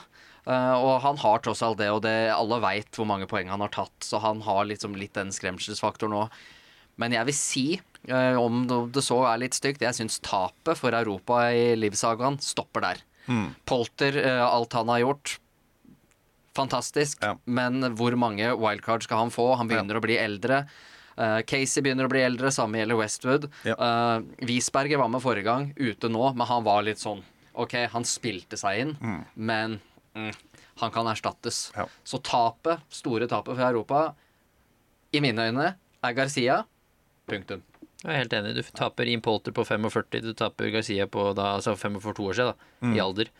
Taper Polter da 45 for to år siden, Garcia 41, Westwood 48 og Casey 44. Så du taper rett og slett bare noe som egentlig må skje før eller senere. Ja. De, de er på vei ut av det laget for to år siden. Helt naturlig at de skiftes ut. Så jeg, jeg kunne faktisk hvis du, ikke da, hvis du da ser på inn, så ser du Aaberg, du ser Høygård, du ser McIntyre, Rose, Straka. Nå skulle du kanskje håpet at man fikk inn Høygård i litt bedre form, for da er vel det ganske naturlig. Eh, Aaberg er helt greit. eh, Og så er man Strake er vel faktisk Snakker for lite om han som du sa Ja, det er helt, helt, helt greit at han er der inne. Det, han har fortjent plassen sin. Uh, ja. så det, Og så er det litt det som er litt fascinerende å se. Man føler liksom at det har vært så store, så mange utskiftninger, egentlig. Men det er egentlig spot on på, på snittet. Ja. Det er sju som i snitt pleier å returnere, og det pleier å være fire rookies. Ja. Ja. Men det som gjør at det føles som generasjonsskifte nå i Europa, det er jo hvem som går ut. Med navn 20 som, års forskjell på det, ja, liksom. med navn som Polter og Garcia og alle de som til sammen har drøssevis av Ryder Cups. Ja. Men kjernen er jo der Ja. fortsatt. Eh, Men så kan man jo argumentere for at man har krydra med noe bedre i egentlig fyllplassene, da. Ja, Noen i hvert fall. Uh, tar heller, eh, tar heller liksom Aaberg tar han over uh, og på, I hvert fall Wisberger og stoler store deler av det Oldboys-laget fra, fra sist. da Sol- Soleklart. Solklart. Hallo folkens, Vektor her. Dere hører på Norges mest amatørmessige podkast. Enjoy. Men eh, jeg bare tenker vi skulle Vi har jo fått en del spørsmål på Twitter, og noen av de har vært om banen. Vi var jo inne på banen i stad. Men jeg husker når, jeg, når vi hadde Viktor på podkasten eh, i fjor, eller var det og Det var kanskje i fjor. Da Han var ikke veldig begeistra. Eh, og det er jo klart at det har blitt gjort endringer siden, siden den uttalelsen, men Eh, de, de mener jo fortsatt at denne banen er ikke like eh, tilpassa Europa som f.eks. Golf National. da. Hvordan ser du utformingen av banen kontra styrkene til Europa versus USA? Det er kanskje blitt litt mer Det er kanskje ikke så tydelige Nei. forskjeller på styrker heller lenger. Nei, det er jo ikke det. Eh, når vi får inn igjen Aaberg som slår langt, Viktor som har heva seg. Eh, det er ikke som i Frankrike 2018, da Molinari tar fem av fem mulige poeng der, hvor de smalna inn fairwayene. Så må du huske også at det at Deschambeau og DJ er ut, det fjerner jo et bomberelement i amerikanske laget, som gjør at spillertypene er på sett og vis liker det nå. Eh, og så når det er igjen er inne på banen, så er det bare et faktum at det er veldig få spillere som syns det er en bra golfbane. I slagspill. Uh, og det er jeg enig i, eh, på sett og vis. Eller Golf Nasjonal er jo altså isolert sett en mye bedre golfbane. Men det de skal ha kreditt for, og jeg håper at det blir som de har planlagt, det er at det er bygga til å være en matchplay-bane. Så jeg tror den kommer til å framstå som kul i match. Det er lagt opp til da, i og med at det er alt fra veldig vanskelige hull til veldig lette. Det kommer til å bli svingninger, det kommer til å vinnes mye hull. Antatt få delinger. Så den Man håper jo at det blir som det de har bygd den til. For i slagspill så har den vært middels at Ja. best. Ja. Eh, Vi kan ta et par til spørsmål før vi går på hvis, vi ikke har, hvis dere ikke har noe mer før vi går på disse terningkastene. Er som er høydepunktet for det, iallfall for deg, Marius. Men eh, vår faste lytter Anders Hole, han er jo litt Vi har jo snakket litt om det, men uh, han er jo da inne på dette med spillere med dårlig historikk i Ryder Cup, f.eks. Fitzpatrick. da. Uh, er presset, hvordan er presset på han kontra de som nå kom helt på tampen med litt usikkerhet? Thomas McIntyre Høygård. Eller er det fortsatt at liksom, det er stjernene som har det store presset på seg, altså iallfall i Europa? da? Hvordan ser du på den? Det er eh, egentlig et veldig godt spørsmål og et interessant tema. For de har jo fått lurt til meg noen sånne statistikkrapporter som jeg ikke skulle ha sett, for å si det litt enkelt. okay. Um, og der er det ganske klart, og man ser veldig mange år tilbake igjen, um, så skal man ikke egentlig tillegger stor verdi å ha spilt mye Ryder Cup. Men det å ha hatt suksess i Ryder Cup, det er direkte og overførbart til videre suksess. Det er ett element. Uh, og så er et annet element det at ofte så er det litt de som f kanskje flyr litt under radaren, som ikke er forventa. Sånn 'Å ja, han må dra lasset. Vi er avhengig av de fyrer på alle sylindere', bla, bla, bla. De sliter ofte med å innfri. Da trenger man jo ikke tenke lenger enn type Tiger og Phil, eh, egentlig, i mange år. Så når man ser det over tid, så er det mye de der som har vært i ganske god form, som ikke snakkes om så mye. som presterer. Og i kombinasjon med suksess i tidligere Ryder Cup er viktig. Deltakelse i tidligere Ryder Cups er ikke viktig. No. Og så kommer det litt an på da i individene. Jeg vet ikke hva du tenker, Marius, men gode spillere som ikke har innfridd før. Jeg vet ikke, Det presset legger de vel eventuelt på seg selv. Jeg, liksom, for å prøve å sammenligne med noe, så er det litt sånn der som eh, et fotballag som er litt i dårlig form, og så kommer derbymatchen. Eh, sånn, da hever du det. Da lever det sitt eget liv. Og det er litt sånn som spillere i Ryder Cup også. Du kan, som Thomas, da er prakteksempel. Okay, har hatt en svak sesong og kom seg ikke til playoff, liksom, men du veit at alt han trenger, er omtrent bare en birdie på, birdie på eneren. så, Ja. Og så bare Da skjer det resten. Så det er liksom Det lever sitt eget liv, det her. Det er, du, du spiller ikke slagspill, du skal bare vinne ett, ett hull mer enn motstanderen. Og du kan gjøre det ved å gå fem over par. Ja. Jeg kommer alltid til å bruke mitt eksempel for min egen del fra US Amager, da jeg spilte i 2007. Jeg spilte bra slagspill, kvalifiserte meg, møter Sivan Kim i første match på en US Open setup, og jeg går to under par. Og taper på dattene. Og så bare tenkte jeg "F- jeg, jeg kan ikke gjøre noe mer i dag. Nei. Ikke sant? Jeg kan ikke gjøre noe mer. Og så gikk jeg for gøy da og sjekka alle andre matchenes scorekort. Jeg hadde ikke kommet lenger enn til 17 i en annen match og vunnet hver eneste match. Jeg, vunnet, jeg hadde slått Colt Nost, som vant 5-4 Ja. den dagen. Ikke sant? Ikke sant? Og det må du ta med i match. Du spiller kun mot ja, to de to første dagene, og én. Det er alt du trenger å gjøre, er bare å vinne ett hull mer. Og dermed forsvinner veldig mye av det formueaspektet for min del. Ja, og så er det jo også øh, veldig godt poeng, og det forteller jo bare en konklusjon man kan dra fra det. Man prater om at hver turnering lever sitt eget liv. Hver match lever i høyeste grad sitt eget liv. Det er ikke alltid det er vakkert. Én er nervøs, andre mer nervøs. De spiller hverandre dårligere. Det er enkelte matcher man ser på bare sånn Bare bli ferdig med det. Eh, men, uh, men ja. Det er det som er i matchplay, at da, da hiver man i hvert fall når man står der på ti. Kapteinsteamet tenker jo på all historikken og den dataen der som de må. Men når man kommer der og pegger opp og blir ropt opp på første ti, da er det bare ja, sånn- Alt kan skje, da. Vinner du første matchen, da, så er du så, så har du egentlig ikke spilt så veldig bra, men du tenker ikke over det. det okay, jeg fikk det poenget. Da, bare, da glemmer du egentlig at du kanskje har slått fire baller lost og mista to putter fra en meter. Men du, alle de andre tingene gjorde du bra, ikke sant? Så, Men Nei, jeg, det- føler bare, det forsvinner litt ut av vinduet, og så er det litt med tanke på at du må jo fortsatt tenke at hvis du kommer inn som Victor gjør med en Fenix Cup champion og egentlig bare har spilt bra golf Ja. i halvannet år nå, så, så vil du jo tenke at ok, jeg, jeg er klar for det her, liksom. Men det skal ikke mer til enn en litt shaky start på hans del og tapt første matchen, og så kommer han også til å tenke ok, da er vi her igjen, jeg vant ikke noe sist. Håper jeg kan klare å få meg ett poeng. Den, altså, Ja. Så, Men det, det viktige aspektet der er jo nettopp det, det som du sier om, Marius. Det, det blir jo det mentale, fordi i 2018, da? Du ser eh, Molinari tar fem av fem mulige, Flitu tar fire av fem mulige. Det er jo litt de derre Litt midt i haugen på laget. Ja, de er gode, men de er ikke fremheva som Oi, pass opp for han. Molinari var jo ikke det. Så man har en del eksempler på det at de kommer inn. Så jeg vet da at eh, Jon Carlsen var blant annet med, gjorde mye analyse for eh, det europeiske laget 2018. Eh, Jon, veldig veldig smart fyr, som, eh, som de fleste veit. Og han gjorde jo det at eh, fra et mentalt ståsted så var han opptatt av for, for kapteinsteamet Det er vanskelig, mye støy fra utsida, men prøve så godt det går å få den følelsen innad i laget at her er vi tolv likeverdige spillere. McIlroy, Rahm, Victor. Dere er en del av laget, men vi forventer ikke at dere skal være gallionsfigurer som drar hele lasset. Så det er nok et litt viktig aspekt der. Jeg føler bare alle ja. som du, som du sier. Får Ja. bare gå lov, få lov til å gå ut og spille. Um, Andreas H., uh, vi har jo vært eh, inne på hvem vi me- Eller beste partneren for Viktor. Vi håper vel på Aaberg, så- men det, han, Viktor eh, kan spille med mange. ja, han er potet, Ja. så han, kan, han passer til alle Men hovedrettene. eh, hvem håper vi han møter i singelskampen? Thomas. Ja. Få Thomas, altså. Selv om den er tøff og alt sånn. Eller Shuffle.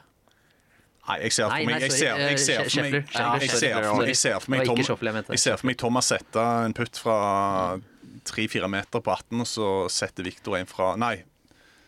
Thomas setter en, eh, en lang Drøm- en, og så setter drømmen- Viktor en rett Drømmen inn må jo være at Victor gjør At Victor tør å gjøre liksom, realitet av den videoen som går på nettet fra Tiger i Presidents Cup Ja. mot Abraham Manser. Hvor han liksom putter, og idet putten treffer hodet, så bare går han takker matchen. Den er jo klippa sammen. Ja. Hvor fett hadde det ikke vært å gjøre det på siste? Liksom, Topet for å vinne, og så bare putter den, så ser du at spinnet er riktig, så bare går du bort takker for. Nei, jeg har, jeg har tenkt på det. Det er klart Man blir, man blir jo, blir jo skada. Men det som er drømmescenario above all Hvis du koker ned til en match mellom Viktor Hovland og Justin Thomas, og så er Viktor to ned med tre å gå, og så driver han green på 16, vinner det. Deler 17, og så har 18 par femhull, så vinner han det for å avgjøre. Det måtte jo vært eh, for oss liksom den store Hollywood-storyen. For det blir jo ikke noe kulere hvis du altså Ryder Cup er jo følelser. Og tenk deg følelsesregisteret da når Thomas går der og skriker og holder på, bare da for å se Victor på en måte tråkke på han. Det måtte vært Da tror, jeg vi får se, da tror jeg vi får se en eh, mer eh, animert Victor enn vi noen gang har sett. Hvis, han, hvis det skjer. Jeg skulle gjerne sett en sånn, et sånn langt jern inn på 18, hvor han bare ser meg det bare, Du ser, vi, alle som ser på, sier at han sikter litt for mye rett på flagget til hva vi egentlig ikke får tåle. og så bare ser du traceren, og så ser du han bare begynner å gå. Ja. Det, det har jeg lyst til. Club twirl går. Har begynt Ja. å gå før ballen når Apex. Ja, Da, det da vil er jeg se. der. Ja. Det vil jeg se. Og så bare to meter, og så, ser- og så, og så vil jeg se kameraet rett på Justin Thomas etterpå. Så kan du få en sånn derre Thomas slipper kølla i finishen etterpå. Ja, ja. Så takk for Det har vært nydelig. Det er lov å drømme. Ja. Ja, det er jo det, det vi må. Ja, ja, ja.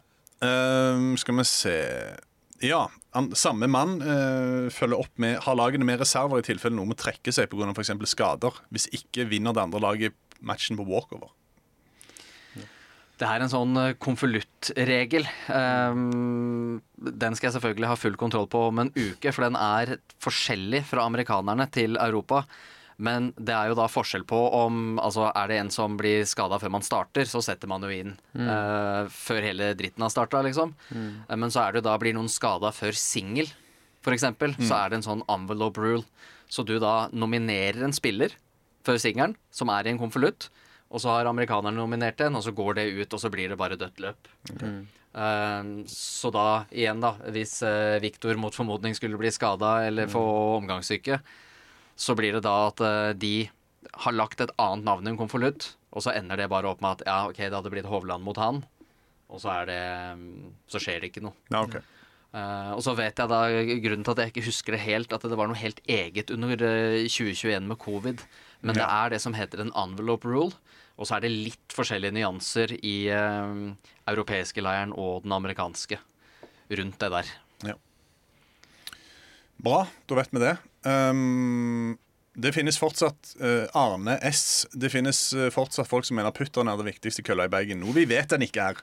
Men vil det være mer viktig i matchspill enn i slagspill? Hvem er i tilfelle best på grin av USA og Europa? Ja, det er jo, eh, altså, det er jo tilbake til eh, Jeg vet hvem det er som har sendt inn det eh, spørsmålet. Jeg kjenner han. Nei da, det er jo da, bare for å ta resonnementet først, det er jo da mm, The Strokes Gain som har bekrefta at det er jernspillet som er viktigste parameter, da, bare for å ta det, den referansen. Um, jeg vil si, på sett og vis, selv om golf er golf og jernspill fortsatt kommer til å være liksom det viktigste, så kan man jo sette en større mental premium på avgjørende putter i Ryder Cup. Fordi det er så mye publikum, det er så mye trøkk. En spiller som Justin Thomas, da, som er in your face tidlig i en slagspillsrunde, så driter man jo litt i om den man spiller sammen med, setter en putt. og er bra putt. Bra birdie. Mens her så er det altså det er direkte konsekvens for deg. Og så har du den der mentale at det er, du tør du å være litt stygg i trynet, da. Så kommer du med en litt breial fistbump og sånn. Altså det kan være med å dra momentumet. Så jeg syns jo psykologiske momentumaspektet med putting blir jo større i match. Da. Ja. Det er jo greit hvis du spiller mot Brian Harmon, og du ser jo ikke at han fistbumper. Nei. Og jeg har ikke oversett. Jeg har ikke brutt ned noe gjennomsnittlig strokes gain putting lagene opp mot hverandre. Det er igjen da eh, Det er så avhengig. Du skal ha gode muligheter for å sette putter, og så er det liksom hvem er heit der og da. Ja, Det er det faktisk, altså. Og apropos det, så avslutter jeg med et spørsmål fra Espen Hansen. Og det er jo eh, noe som har eh, vi fikk se på nært hold når vi var i playoffs, og det er jo Scotty Scheffler og hans putteproblemer. Um, Jeg tenkte jeg skulle ta det i ja, du kan, du kan godt ta det, men det, han, det det er ikke direkte det han spør om. Um, Han uh, spør i forlengningen av det, da, så spør han om dette med psykologien i matchplay mm. kontra slagspill. Uh, er det noe triks som blir brukt med tanke på Altså, uh, dere snakker vel av erfaring òg her, eh, det dere har vært ja borti sjøl. Hva, hva fins det av tips og triks og holdt på å si jukserier som, eh, som kan bli dratt opp? Det finnes jo masse tips og triks, men eh, med Sheffield sin del så skulle jeg tenkt jeg skulle ta det når vi går over på terningkastene straks. At liksom, Hvis det finnes noe form for sånn taktikkeri i hva du skal gjøre eh, mot andre spillere, da, eller du setter opp, liksom, så er det jo det at hvis Scheffler får Når du veit at han sliter Med kortputten, ja. nå, så skal ikke han få en eneste av de. Nei. Så enkelt er det. Mm. Han må sette alle, og så hvis han setter to eller tre, så lar du han få én, og så går du på igjen. Mm. Ikke sant? Så da må, det, er, det er den taktikken du gjør, men du kan ikke la han Hvis han starter hele denne Ryder Cupen med en femfotsputt litt nedover, altså en fire-trefotsputt, som du kanskje kan tenke at du kan gi, så aldri i verden om han Nei. får få den, når du ser at han er så shaky. Men det er litt, eh, litt akkurat eh, Den der er jo veldig kjent. Ja. La han få noen, og så eh, plutselig begynner det å dra seg til i matchen. Nei, du, den skal jeg se.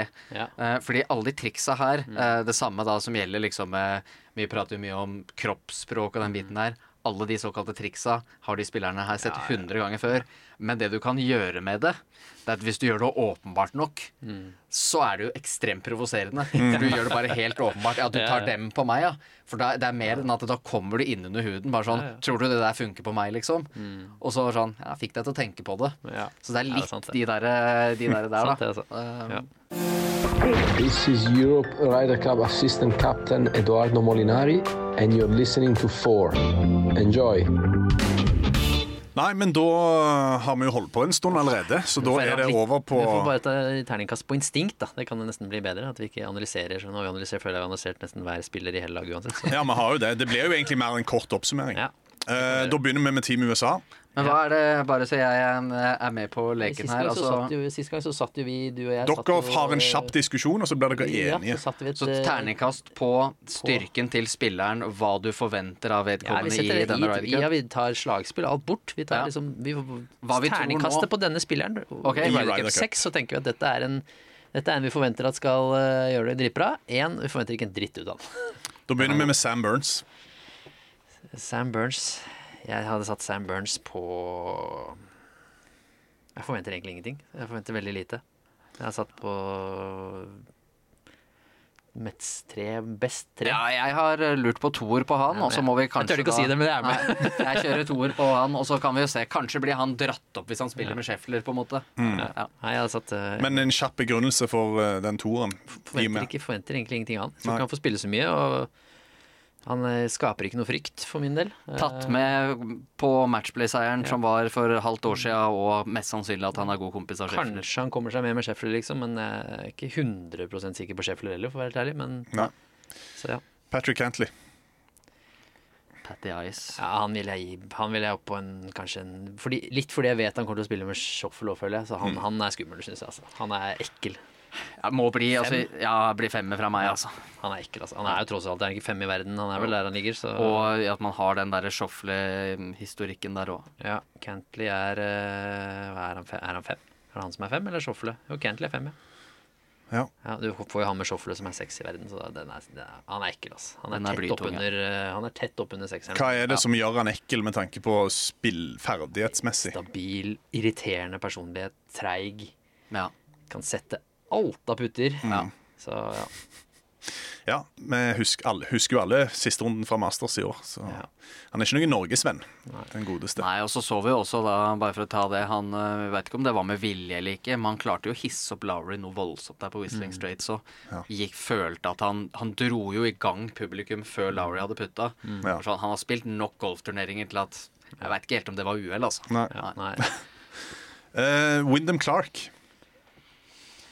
US Open-vinner gir han et par ekstrapoeng for meg, men så Vi får ta han, ta, men er- Jeg vil han sette han over Burns, så ja, jeg setter han på treer. ja, jeg er med, jeg er med, jeg er med på tre. Er Ja. tre. Det er vondt å si kanskje om US Open-vinner, men øh, i totalen Jeg tror ikke han kommer til å nødvendigvis få spille så mange sessions. Nei, men han, er jo en, han har jo et vanvittig toppnivå. Ja da. Ja. Så så vi jo også at han på Memorial på siste runde Han er kapabel til å slå syveren 150 meter til venstre. Ikke sant? Så han har det helt gips så der. Så Det kan jo liksom hende, kan hende, det er, kan hende det er strengt. Jeg tror bare i det laget der Jeg tror ikke han kan regne med å få spille så mye. Så spørsmålet er hvor mye kommer han til å prege Ryder Cup. Så jeg føler, føler ikke at det er en utpreget matchspiller heller, jeg da, men jeg Nei, jeg vet ikke, jeg kjenner ikke til historikken. føler han er litt som slagspiller. Jeg. Han går der for seg selv og går 69 og 69, og så Ja, jeg vet ikke. Eh, Ricky Fowler. Big Dick Rick. Tøft. For jeg liker, liker han, men uh, Ja. Jeg det blir Hvor mye kommer han til å spille spille? Nei, det, det, er er vanskelig, veldig vanskelig å si. Men med tanke på hva han bidrar med på en måte som type og alt sånn Altså Hvis kapteinene og sånn får lov til å ta ut folk på trynefaktor, ja, ja, ja. så syns jeg må, jeg må få lov til å gi han firer på trynefaktor i så fall. Jeg kan være med, jeg kan være med på fire. Jeg var mellom tre og fire. Ja. Jeg føler også at det, er liksom sånn, det kan høres strengt ut der. Og Hvis du tar med Alison Stokke, så er du plutselig oppe på femmer.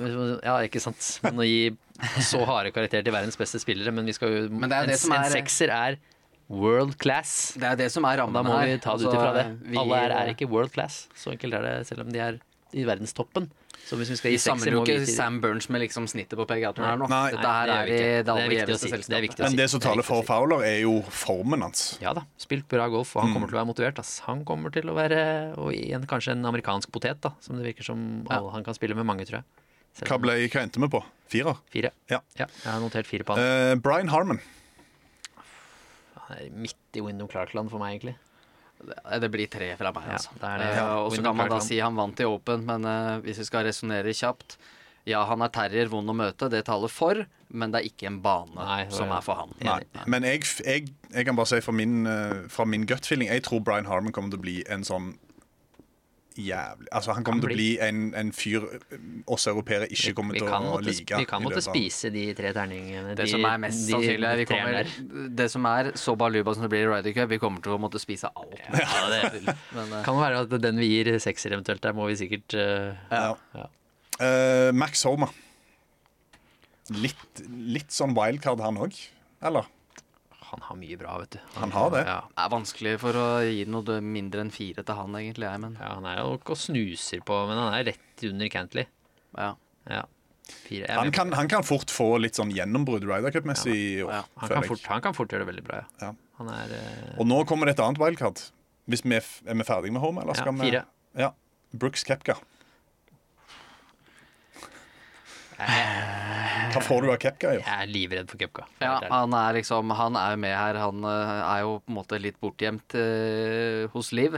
Ser ikke så mye til, men når han først møter opp, så er han jo litt tilbake på gode gamle. Kan vi gi han noe dårligere enn fem? Nei, jeg kan ikke. Jeg er jeg livredd for ikke det, altså. Jeg tror han, han har så sjukt lyst til å stikke it til altså, Som den Europa. eneste Liv-spilleren òg, liksom. Og Ja, ja, bare, Ja, han, han, han føler at det er Kepka med så stor chip på skulderen. Med alt som har vært med Liv, alt prat om at du har liksom Du spiller exhibition golf og hele greia der. Jeg tror han føler han har mye å bevise Ja. for mange på flere fronter. Livsfarlig, tror jeg. Jeg tror også det. Jeg tror også livsfarlig. Colin Morikawa. Han spilte jo Han spilte vel bra, veldig bra i, på Whistling Straits, Ja, ja, ja, absolutt. Men det er lenge siden. Det er det. Han har ikke vunnet på halvannet år. Dukka opp lite grann, da, i, selv om du har falt av litt på islek. Det var to og et halvt år han ikke vunnet på. Ja, han falt av litt på islek, men han dundra inn med en gjorde eh, 62 fra start der, liksom. Var det ikke det? Jo. Så noe er jo i emning i form av form, da. Med tanke på toppnivået til Morikawa, to majors han har tatt fortsatt så ung, så jeg føler ikke at man kan gi noe mindre enn fire, men jeg syns ikke man kan gi så mye Nei, mer heller. Jeg, satt og så på Faneri som i Homa, Homa Fowler, Morikawa på fire. Jeg er vel ganske trygg på egentlig at Ja. det er en god forhåndsvurdering. Nå skal vi bare Så får vi se, da. ja. Vi kommer jo til å ryke så til de grader på det her, men Det er det som er så fint når man, når man caller noe i forkant. Ja. Og så kan, Det er det også det fine med å være kommentator på TV. Når du faktisk blir bedt, put on the spot for å melde noe i forkant, og så kommer noen som ikke har meldt noen ting, Ja, ja. med hindsight og fasit. det, er alltid, det er alltid fint å Hva var det dere ga Fowler egentlig? Fire? Jeg har notert alt, ja. Ja. Jeg har det. Det er bra. Jeg har fire på. Uh, Sandu Shoffle. Det føler jeg er Pat Cantley. ja, Der er spilleren for USA for min del. Eh, form Det er nærmeste sekserspilleren i USA-troppen for min del. Ja. Men altså, Jeg hadde, jeg hadde tenkt å si sterk femmer. Jeg vet ikke, Hadde du den på seks, eller? jeg, jeg personlig ville jeg gitt han det, for jeg føler den, Ja. han kommer inn Ja, men kommer. det er fair. Jeg som sier, jeg, jeg er tilbøyelig. Noen må jo få seks òg. Jeg er Ja, ja, hvor, hvor skal vi ta han på, da? Hva skal vi ta han Nei, på? jeg er helt enig. Hva, hva skal vi ta Jeg han vil, på? jeg vil si det eneste svakheten til Shuffle er at han ofte faller litt gjennom når det virkelig står på. Men han har partneren han trenger i lagspillet. Ja, det har han. Og han kommer til å være kanskje til og med det som skjedde på East kan fyre opp litt for han. At eh, jeg vil ha revansj, liksom. Ja. Eh, jeg vet ikke. Ja, kanskje. Ja. Ok, jeg, vi, vi gir han toppkarakter. Ja. Enig. Uh, så spørs det om verdenseneren får toppkarakter. Scotty Scheffler. Han får ikke det av meg når du ikke kan putte under fem fot, altså. Sorry. Det, men samtidig, når du er verdensener Ja, og slår så bra, så er det liksom sånn Det ville jo vært ran å inn noe mindre enn fem. Ja. Du kan ikke helt det, føler jeg. Selv om han Ja, altså det, det ser ut som det er jeg som putter iblant. Uh, det er ikke noe kompliment. Men, Men, det er men liksom fram til Grine er han jo mye ja, bedre er, enn alle. det er det at han er så god på det, og den delen av spillet er så viktig. Ja. Så er det fort gjort å se seg blind på de der at han, han mister de korte puttene. Men uh, Han blir jo fortsatt nummer fem, liksom. Ja. Selv om han mister ti Så han er, putter eh, innenfor tre vi gi han toppkarakter, da? nei, jeg, jeg hadde satt den på fem. Ja, det gjør det. Ja. Hadde han eh, hatt gjennomsnittlig putting, så hadde det vært eh, veldig Ja. grei sekser. Men Ja. det er litt usikkert kort, akkurat eh, Ja. putteren hans. Ja. Jordan Speed. Føler han er litt i sånn der Morikawa Cupka Nei, Morikawa Homa Fowler-land. Hvis vi gir han fire, så kan det bli sterk fem, og så kan det bli to. Ja. Så det er, jeg føler egentlig at eh, fire midt imellom der er eh, tryggeren. Ja. helgarderer. Ja. Hva er det så Hva er plusser og minuser der, kjapt? Nei, hvis han, hvis han setter fyr, så kan han jo gjøre da, da, er det han, da er det jo den personen du liksom ikke har lyst til å se. Er det igjen, vi var innom dette her med momentum og putter og hele den biten her. Ja. Er ikke på en måte Speeth joker momentumspiller egentlig Jo, nummer én? definitivt. Blir han heit, så er det ingen grenser. Uh, blir han kald og begynner å liksom benka. prate for mye med Greller der, så kan det gå helt i stå. Tror jeg han set, da tror jeg faktisk han havner fort på benken. Ja. Ja. Så han, jeg tror fire er greit, Ja. fra, fra meg i hvert fall. Da er det JT. Ja, det er er jeg den, veldig spent. Ja, det er egentlig jeg òg. Ah, det er jo en som kan gå, Marius. Det kan bli én eller seks. Ja, eh, det kan det. Men nå er han jo, har han jo spilt bra nå, da. Han har spilt én god turnering, og så hvor Ja. mye skal vi legge i det? Og så spilte han ikke en god siste runde, da. Det må jo legges til. Nei.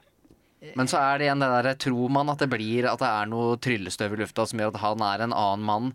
Uh, blir liksom uh, nye holdt på å si Captain America når vi drar det til. Ja, ja, det er jo det man setter han som, da.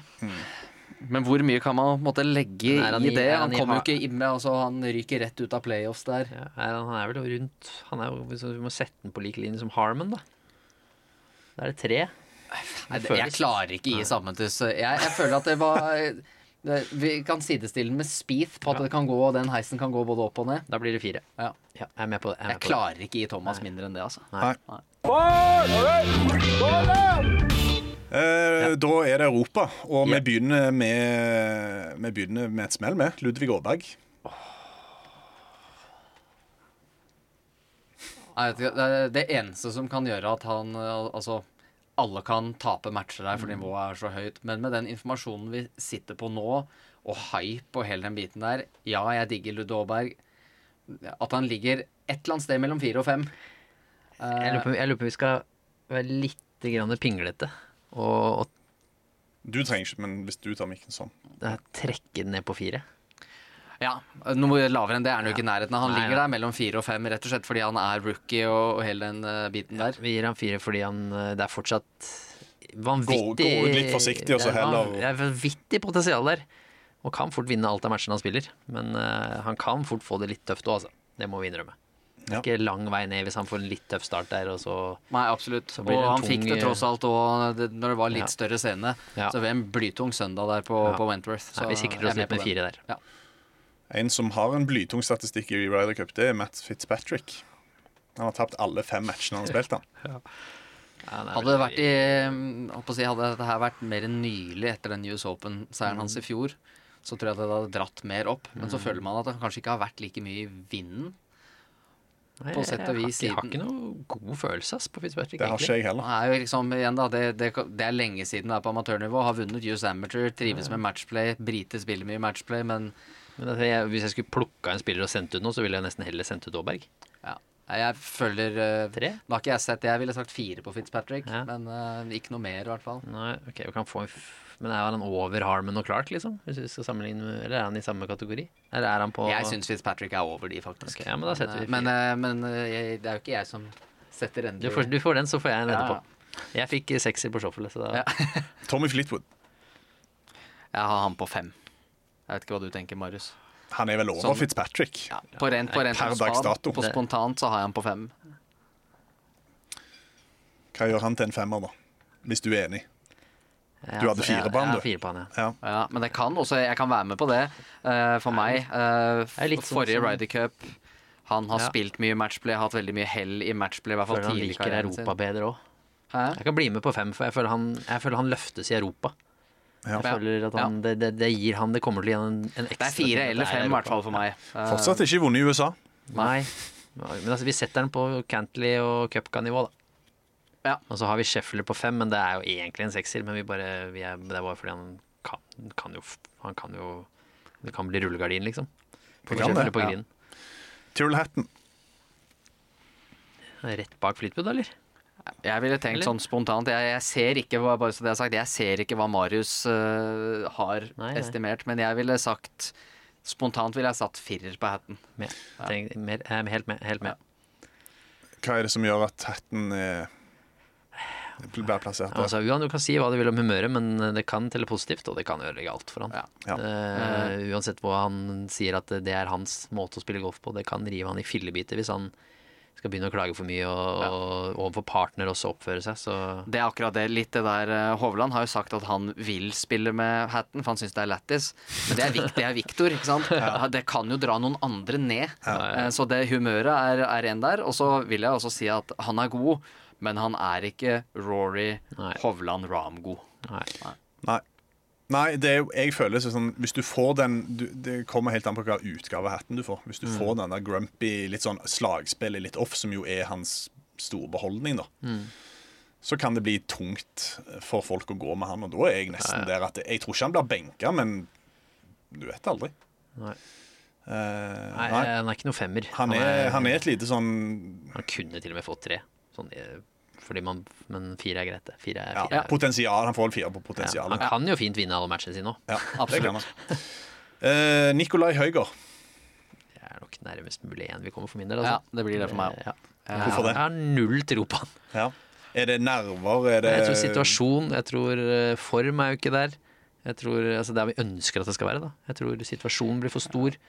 Jeg ser ikke helt hvor han passer inn, på å være helt ærlig. Så blir det litt sånn at nå setter vi dette her i Ryder Ja. Cup-selskap. Det er det gjeveste selskap. Og det er klart, skal du få noe karakter av hva vi tror her, da, så må du være med og sette preg. Og jeg tror ikke han kommer til å få spille så mye. Nei. Uh, og så er det litt det, et annet aspekt her, uh, som er til hans forsvar, men like fullt uh, et faktum. Det er at det, det har vært mye snakk om at han har blitt tatt ut. Føler han seg egentlig hjemme?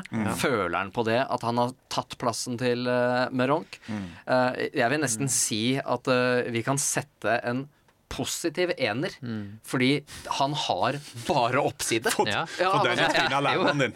Du, du får Ja, en av men det- var- altså, det var- Det er bare fordi du kan bli bedre. ja, ja, men det er bare at jeg, jeg ser egentlig Jeg i det selskapet her ser jeg kun oppside, da. Så Jeg spiser ingenting jeg det hadde gleda meg mer enn om han går ut og får spille to matcher, vinner begge to. Ja, den skal jeg ta uh, og spise med så stor glede. Men jeg tør ikke forvente mer jeg tror jo samtlige tolv spillere på USA-laget vil tenke, hvis de ser han på motstanderen, tenker den her tar jeg. Ja. Denne tar jeg. I dag vinner jeg, ville jeg tenkt da. Så um, igjen Så, ja, nei, jeg håpe. Vi får håpe at han håpe overrasker. Men han eh, spiller bra, men eh, jeg Jeg, jeg syns det er lite som, som er- taler for det. Han er Hvis- det ja. klart, Noen må jo få en òg. klart Ja. svakeste kortet av de 24 spillerne for min del. Absolutt. Da kom, går vi fra det svakeste til kanskje det sterkeste, da. Vår mann. Nei, det er ikke noe vits i å diskutere. Nei. Så vi går rett videre. Nei, Hvis ikke han skulle fått uh, Nei, men vi- sekser nå, så kunne vi bare Nei, da kan vi legge ned Ja, da men, kan vi legge men ned hvis, hvis, du skulle, hvis du skulle sett på Hvis du skulle trukket fram noe som skulle ha s- vært argumenter for hvorfor han ikke skulle fått sekser Forrige Ryder Cup. Og min del. om noe, hvis man skal legge noe i det, at det er den vanvittige matchplay-statistikken fra amatørtida, som er helt ekstrem, den har han jo ikke helt klart å leve opp til Nei. i, i Ryder Cup eller matchplay, altså World Golf Matchplay-sammenheng, da. Hvis vi skal se noe imot. Men uh, med det han har oppnådd nå, uh, nybakt FedEx Cup-champion, heiteste spilleren i verden Hvis ikke han skal få sekser uh, her i dag, så da kan vi ikke så også, drite i det. ikke bare det, han har ikke, liksom, han har ikke kommet igjen der gjennom å bare være en helt villbass fra ti og inn til Grin. Nei. Det andre spillene, delen av spillet har faktisk bidratt. Mm. Altså, det er det som har tatt han dit han er nå. At han fortsetter å levere med jern, men at han nå faktisk har et nærspill som kan, kan være med å, å leke, og han putter stabilt bra. Ja, og så kan vi jo ta Vi prater mye om foursome, da, fordi det er den vanskeligste spilleformen og hele den biten der. Men i bestball her, eh, la Victor få spille Victor-golf. Mm. Ja, ja. La han gå rundt og drive og fyre på flagg. Ja, ja. Um, holdt på å si med ferske seire i sekken. Mm. Det, Ja, og så er det liksom Og så er det, ja, og så er det alt det andre aspektet ved Han er Det er sikkert noen på amerikanske laget som ikke liker den, men de har respekt for den. Mm. De vil sikkert møte han fordi de syns det er gøy å spille mot de beste, men innerst inne så tenker de jeg slipper gjerne han. Eh, tror jeg Han er den personen jeg tror alle de tolv andre tenker jeg kan gjerne slippe han. Men det er gøy å spille mot han. Ja, for jeg, jeg, jeg vil jo, han. jeg vil jo nesten si nå um, også at det, det er greit at McIlroy er så god som han er, og trekker du McIlroy, så er det sånn oh shit. Ja. Men McIlroy har jo mer av de der ah, så kommer det en løs sving. Han Ja, har de, noen av de Ja, ja. dagene hvor han ikke prøver helt. Jeg føler at øh, For du har møter, du, møter du Victor, så er jeg bare sånn OK, hvor, er hvor skal jeg få noe gratis her, Det er liksom? enten spill mitt beste og kanskje vinne, Ja. eller tape. Ja. Hvis- Også hvis du er Brian Harmon og trekker McIlroy, så er det sånn OK, fuck, det blir tøft, men Her kan jeg få et par gratis Den her kan jeg ta. Ja. liksom, altså, hvis McIlroy dropper, og som skjer med jevne mellomrom, faktisk. Ja. Men hvis du kommer med en spiller som Victor eller Schoffele, da, for å sammenligne amerikansk, så er det sånn OK, det her er det, er det fem under par eller ingenting. Så enkelt er det. Ja, altså McIlroy er jo for, Hvis han er litt off fra tid, så er det jo så, så skal, altså, Da kan han tape mot alle Ja, de ja. amerikanske. Helt klart. Helt klart. Nei, Så det er greit. Um, jeg må bare ta med i, i, med tanke på Victor, Joakim. Du hadde jo en ganske lang prat med han på Wentworth. Litt om Ryder Cup òg. Hva fikk du ut av det? prøvde å dra ut av hvem eh, de hadde fått liksom indikator på de skulle spille sammen med. Det virka faktisk som det var eh, på det stadiet fortsatt ganske uklart. Men du fikk jo ut av da han, eh, hvem han ville spille sammen med. Det har vi vært litt innom. Uh, Hatton, Fleetwood, Fitzpatrick, nevner til dels Aaberg. Um, men han det jeg fikk følelsen av, at han var ekstremt sånn revansjesugen. Gleda seg til å spille på hjemmebane. Nå er det vår tur. Han følte at de som var med sist, at det var en sånn, en sånn følelse at de skulle reise kjerringa. da. Nå kommer de hit. Nå får vi se, liksom. Så det syns jeg var sånn Jeg ble nesten gira. Satt der. uh, og litt det jeg spurte han også om det. Ok, hva er det annerledes nå med alt du har oppnådd? Måten du approacher det på?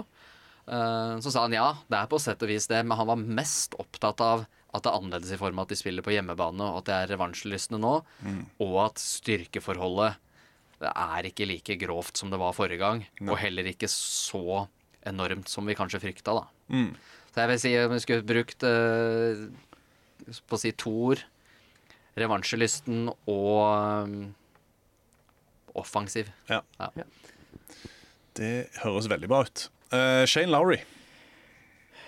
Jeg har satt fire på Shane Oi, Lowry. det syns jeg var nesten var litt høyt. litt høyt. Ja, men jeg kan være med på det. Han er nok i treer-firerland basert på at han ikke har vært helt Shane Lowry god i Men år. er han, er han på Er han over Ja, er, er han Nei, Max han er- Han er tre. Ja, det som kunne talt for, uh, tre. for, for Høyre, er at han har spilt hyggelig i Irland og på Wentworth, men ikke enormt. Nei. Og så er det det som gjør at han At det blir på en måte kanskje en slags joker. Ja. Det at han debuterte jo tross alt forrige gang, men var ekstremt gira. Altså han kom med mye intensitet. Så, men ja. Nei, man er jo han er jo en sånn Harman Clark major-vinner som man ikke helt kanskje veit hva man får av. Ja. Tre er fint, det. Tre er fint på han. Ja, jeg føler Hvis Ryder Cup hadde vært i fjor, da hadde det vært iallfall en firer. Med tanke på Må jo huske at det var jo faktisk en del Jeg er ikke enig i det, for jeg mener han har en posisjon eh, både altså, spiller og Ja. personlighet og sånn, men det var jo noen som tross alt stilte litt spørsmål ved at han ble tatt ut. Ja, ja. Jeg syns det er helt fint at han, han er der, men Ja. for å forsvare treeren litt, da, så er, var han jo ikke akkurat førstemann inn døra. Nei, det var han ikke. Det var han absolutt ikke. Uh, Bob McIntyre. Doth. Ok, Nei, Han er hadde- over Høygård. Jeg hadde lurt på Ja, jeg kan være med på det, men jeg kunne lurt på å sette den sammen med Høygård. Altså. Ja, jo, jeg er med. Eh, det som taler for, er at han To enere i Europa. Det er Ja, men de skal ikke spille noe særlig. Men uh, det, det som er, da altså begge, Både til fordel for både Høygård og McIntyre, at de har, har jo seier på den banen i Italian Open fra tidligere. Og det som jeg kanskje kan være med da på å dra McIntyre opp på toer, det er at han tok tross alt en automatisk plass. Okay. Eh, han Og har, har ikke han vunnet på Jo, han har, han, han, har seier der òg. Ja, det er enig. En Så, automat- så han tar en automatisk plass, så Ja. jeg syns han kan ta den litt opp. Ja. Men samtidig òg, det var Hadde det dratt det en uke eller to lenger, så hadde han mista den plassen. Yes. Han så livredd ut der i Sveits. Eh, men igjen, det er, noen er sterkest i laget, og noen Ja. har antatt svakere kort. Og der mener jeg i år at vi har et par da som skiller seg litt ut, også negativt. Absolutt. Hører du det, McIntyre? Nå har du press på deg til å forsvare toeren. Hvis det er lov å si. Uh, Rory McIlroy. Han er jo i utgangspunktet en sekser, men så er han jo ikke noen sånn strålende Ryder Cup record. Han har vel tapt like mange som han har vunnet. Ja, ikke sekser for meg, men jeg føler heller ikke at man kan gi Rory Nei, mindre enn fem. Nei, nei, nei, det Nei, det, det det. Så ganske klink femmer, egentlig. da Ja, Kjappe plusser og minuser der, da. Plussene er jo vel ganske Plussen er ganske åpenbare. åpenbar, ja. Uh, McIlroy på sitt beste er uh, komplett umulig å slå. Ja, man kan si, nesten si at Rory er Rory, på en måte. Ja. Uh, Han er blitt, på måte blitt kjent og så for det. At hvis han er på sitt beste, så vinner han. Ja. Eh, men, vi, men det ser vi litt for sjelden, da, egentlig. Men også er det er jo det er strengt dype. å si om en med fire major og to FedEx-cuper, men Ja, men det er en fyr som man kan argumentere for at han burde hatt dobbelt så Enig, mye av alt. enig. Eh, men, og det som kanskje er, og som igjen vil høres litt søkt ut når man sier om McIlroy, det er egentlig når det er ekstrem pressure-situasjon. Så syns jeg man noen ganger har Altså Hvis man skal tenke nylig, da. eh, da Victor vant i Dubai. eh, ekstremt stressa, gjør hårreisende valg, Ja, ja. Slår, slår dårlig slag. Um, og så følte jeg litt òg at eh, du har de som bare elsker den intensiteten og den krigen. Mm. Var det 2016, den eh, matchen, om jeg ikke husker helt feil, mot Patrick Ja, Reed i singelen der? Hazeltine. Hvor de er in your face begge to. Mm. Og så føler jeg litt at det blir å lese mellom korta, men jeg husker jeg satt hjemme da og så. Da mener jeg, har du ordentlige baller da, ja, ja. så går du ikke bort etter den jazzinga når Patrick Reed har satt den putten og smiler og tar den i hånda. Da mener jeg, da skal du bare double down, altså. Nå er det meg mot deg.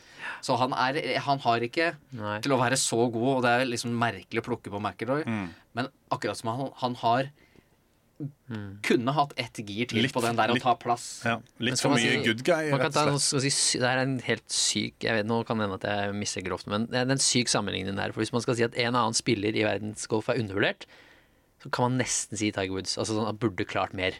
Fordi at så god er han faktisk. Ja. Så det er bare Man- kompliment. Ja, ja, så man, Tiger Woods har flest PGA-seire og nest flest major-seire i historien, men han, han burde hatt mer. Ja. Ikke sant? Og McIlroy er litt i den samme. Ja. Det er nesten sjukt å tenke på at han ikke har vunnet en major siden 2014. Og så han er jo også så han ja. burde hatt så mye, mye mer. Men det er bare fordi at han, han viser jo det med jevne mellomrom når han er på sitt beste. Så er det bare å gå Det er bare å gå, liksom. da, da er det ingen av de amerikanske spillerne som har kjangs. Så enkelt er det. Men vi ser det altfor sjelden. Og til og med på Tiger sin del. Ja. Bare, du har sett det mye oftere, men Ja. selv der er det jo sånn at han burde jo sikkert tatt med seg en 10-15 PGA-seire til. Ja, ja. Og kanskje to-tre majors, ikke sant? Så Og så har du det med Rory, altså han er jo kjent som en good guy, og det er jo noe av det man Men nå er det vi tar på forskjellen, for der tente jo Tiger til. Ja. Kom med presset. Da kom Tiger fram. Så Kom med presset, så ja. vokste han. Okay, hvis, han hadde, hvis, du setter han sist for å vinne Ryder Cup, da tar han det. Mest Ja, sannsynlig. ikke sant? Ikke sant? Det er bare Jo verre situasjonen er, desto bedre blir han. Ikke sant? Det skulle gjerne sett litt mer selv om han liker McIlroy for, for den han er. Og han kan jo ikke være noe annet enn han er. Men skulle likt med styrken hans, Ja, og for. Europa sin del, at han steppa på tørs, første ti. Eh, breibeint der, og bare sånn Det er Rory fucking McIlroy. Ja. Come at me, liksom. Ja. Men han er ikke helt der. Nei, Tenk enig. deg da med alle styrkene. Han kunne jo skremt livet av alle og enhver. Mm. Teoretisk, da. enig. En som kanskje gjør det i litt større grad, det er vel John Rahm. Ja, Fått personligheten Eh, til Rahm Ram har du på, på McIlroy. på lista. Ja. Ja, for meg samme som McIlroy. Ja. Han, er, han er det lille hakket under eh, den på en måte vi ser til. da. Ja. Eh, Men akkurat Victor. nå Ja, men det er jo det vi gjør. Altså, det er sykt å si det. Litt, litt norske øyne har vi, det skal vi innrømme, men Ja, men jeg tror, Jeg tror ikke du spør- Du finner ingen som ranker Victor under de to Nei, nå. så, så, men eh, forventer at Ram skal fyre på sylinderen og ta og videreføre det han gjorde i Whistling Straits. Og så det jo, hadde han vært i enda bedre form, da, enda bedre enn Selv om han har positive ting i det siste, så Hadde han vært enda litt bedre, så hadde jo han vært en klink sekser nå. Ja. Ja. Fins det noe Hva er det med, Er vi usikre på Ram? På, altså, med tanke, form er jo én ting, men Jeg er ikke det. Det eneste som er, som er litt for meg, at jeg skulle gjerne hatt en litt mer åpenbar makker til. Ja, Eh, jeg er savner, jeg savner. Mm. Garcia litt der. Eh, om man kunne lagt eh, å si, alt av sabler og greier til side, Ja. og så hatt Garcia inn som en captain's pick. Eh, men det er jo forskjell da. For poeng, eh, det er jo en teknisk eh, regelforskjell. I USA så kunne man innenfor reglementet velge hvem man ville, selv om de har gått til Mm. liv. Men det er jo et krav på Europasida at du skal være medlem av Europaturen. Nå har jo Garcia tydeligvis gått og sagt jeg betaler alt av bøter for å få være med, men når det finnes et sett med regler som gjør at han egentlig var diskvalifisert, Ja. så har de ikke mulighet til å ta han ut. Men det er kanskje en ting som eh, det, det er kanskje stygt å ta det som et minus til Ram, men han har den personligheten, ja. en del gneldring på banen. Ja. Det er litt sånn Hvem skal han spille sammen med? Eh, og der føler jeg at vi har bedre svar på en del av de andre, da. Ja, og så føler jeg ikke at han er Han er ikke den maskinen som vi så kanskje i starten av året, der hvor det kom mye seire, og Augusta blant annet. Ikke sant? Så jeg føler at formen etter det har vært mye svakere. Hvis man skal være 100% ærlig, og da sammenligna med det nivået vi vet han skal være på, så, så føler jeg at han kommer inn litt kanskje under der vi hadde håpet at han skulle komme inn. Justin Rose Litt samme formutvikling som Ram i år. Midt på treet. Selv om forventningen er jo mye mindre. Jeg har skrevet tre. Ja, jeg ville sagt tre var min spontane. Ja, men, han, eh, han, han er kanskje en også som, som, som Hvis man skal si at Ram trenger en partner, han er altså en som kanskje kan redde noen.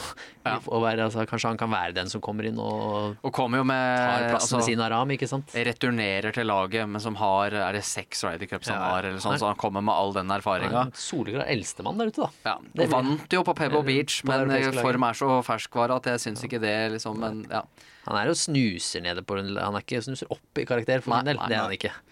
Så, men vi gir han eh, Av mangelfull rutine visse steder, så kommer i hvert fall han med det, da. ja. Ja. Enig, enig.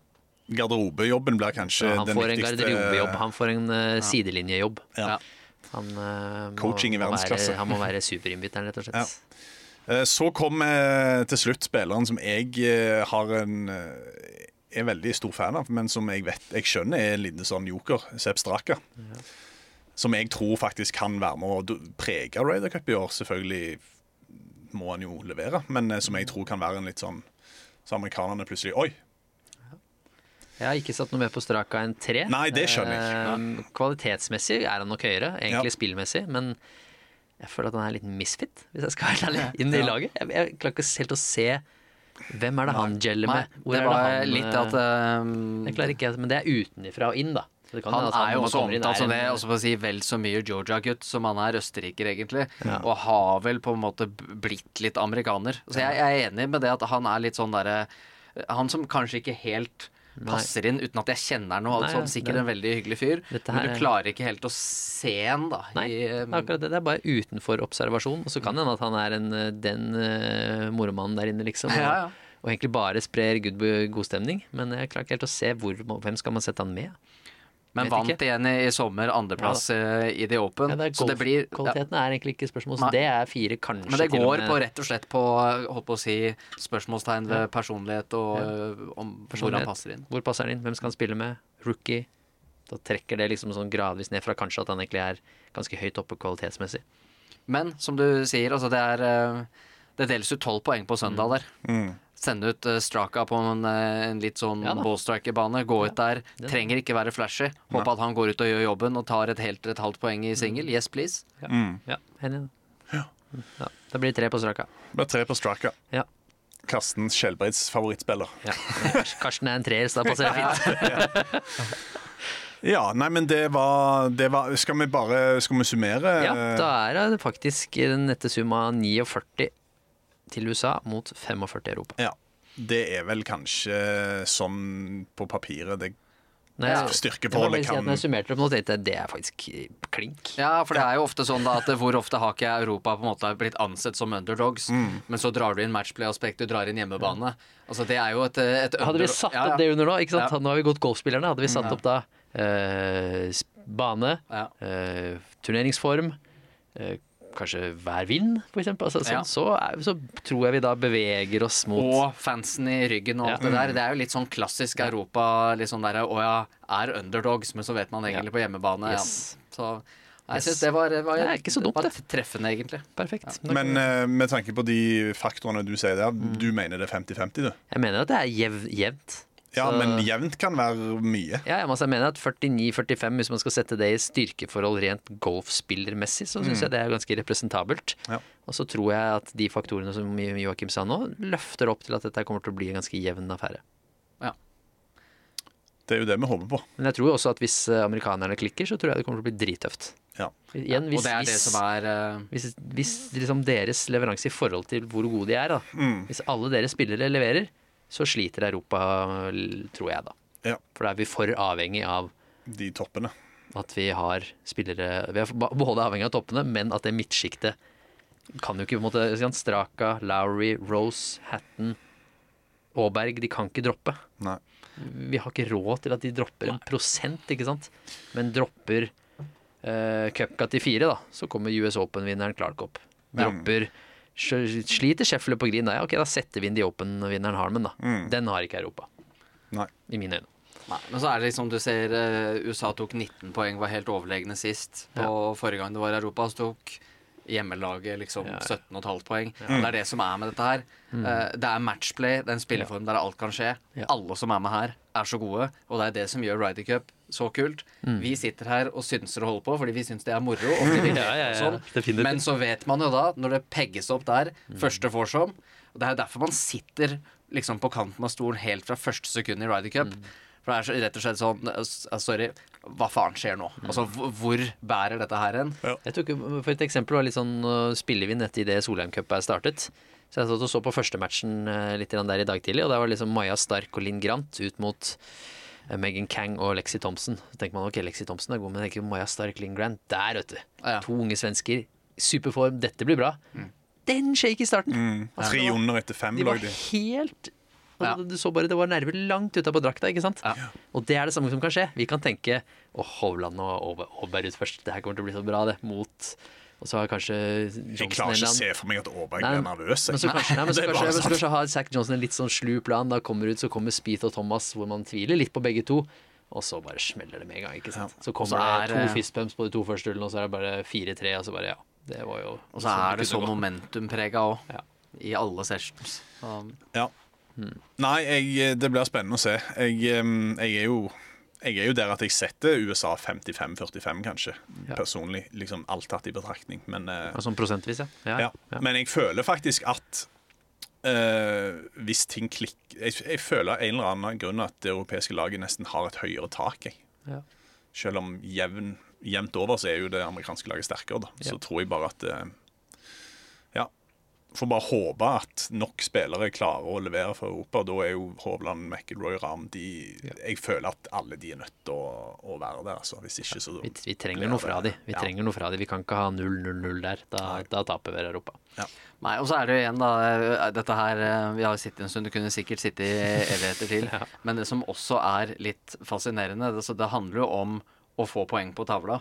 Så kan man jo alltid sagt eh, Altså argumentet som har vært, eh, og forblir egentlig, da, imot Hovland McIlroy, det er sånn Du har ikke råd til å brenne to så Nei. gode kort. Men så kan man jo også argumentere for Altså, det, det har du ingen garanti, da. Man tenker, ok, men du sender ut de, så får vi poeng på tavla, da. Problemet er at det backfirer noe voldsomt hvis de får juling. Og så har du sendt ut da svakere par, og så får de det òg. Så sitter du der med skjegget i postkassa, liksom. Ja, og så så vi sist at det var kanskje det vi kritiserte og føler at Harrington missa på. Missa veldig på miksen. Ja. Jeg syns ikke han traff i det hele tatt på lagsammensetningen. Nei, og det husker jeg faktisk at det, det Igjen, alt er lett i hindsight, men jeg husker jo Jeg satt og kommenterte, og vi sa det vel på lufta da. Jeg fikk jo noen meldinger fra deg underveis. Bare sånn Hva skjer her nå? Er det stavefeil? Så det var jo faktisk for en gangs skyld vi sa før det skjedde, da. Liksom bare ja. sånn Ja, dette her eh, Hva er det de har sett som ingen andre har sett? Liksom? Men jeg vet ikke, det, det er der jeg, det er der jeg syns man undervurderer den eh, fryktfaktoren. Mm. Eh, den liksom, det er, i hvert fall- men det er kanskje bare Og det er sånn man ikke tør å være ærlig på, føler jeg.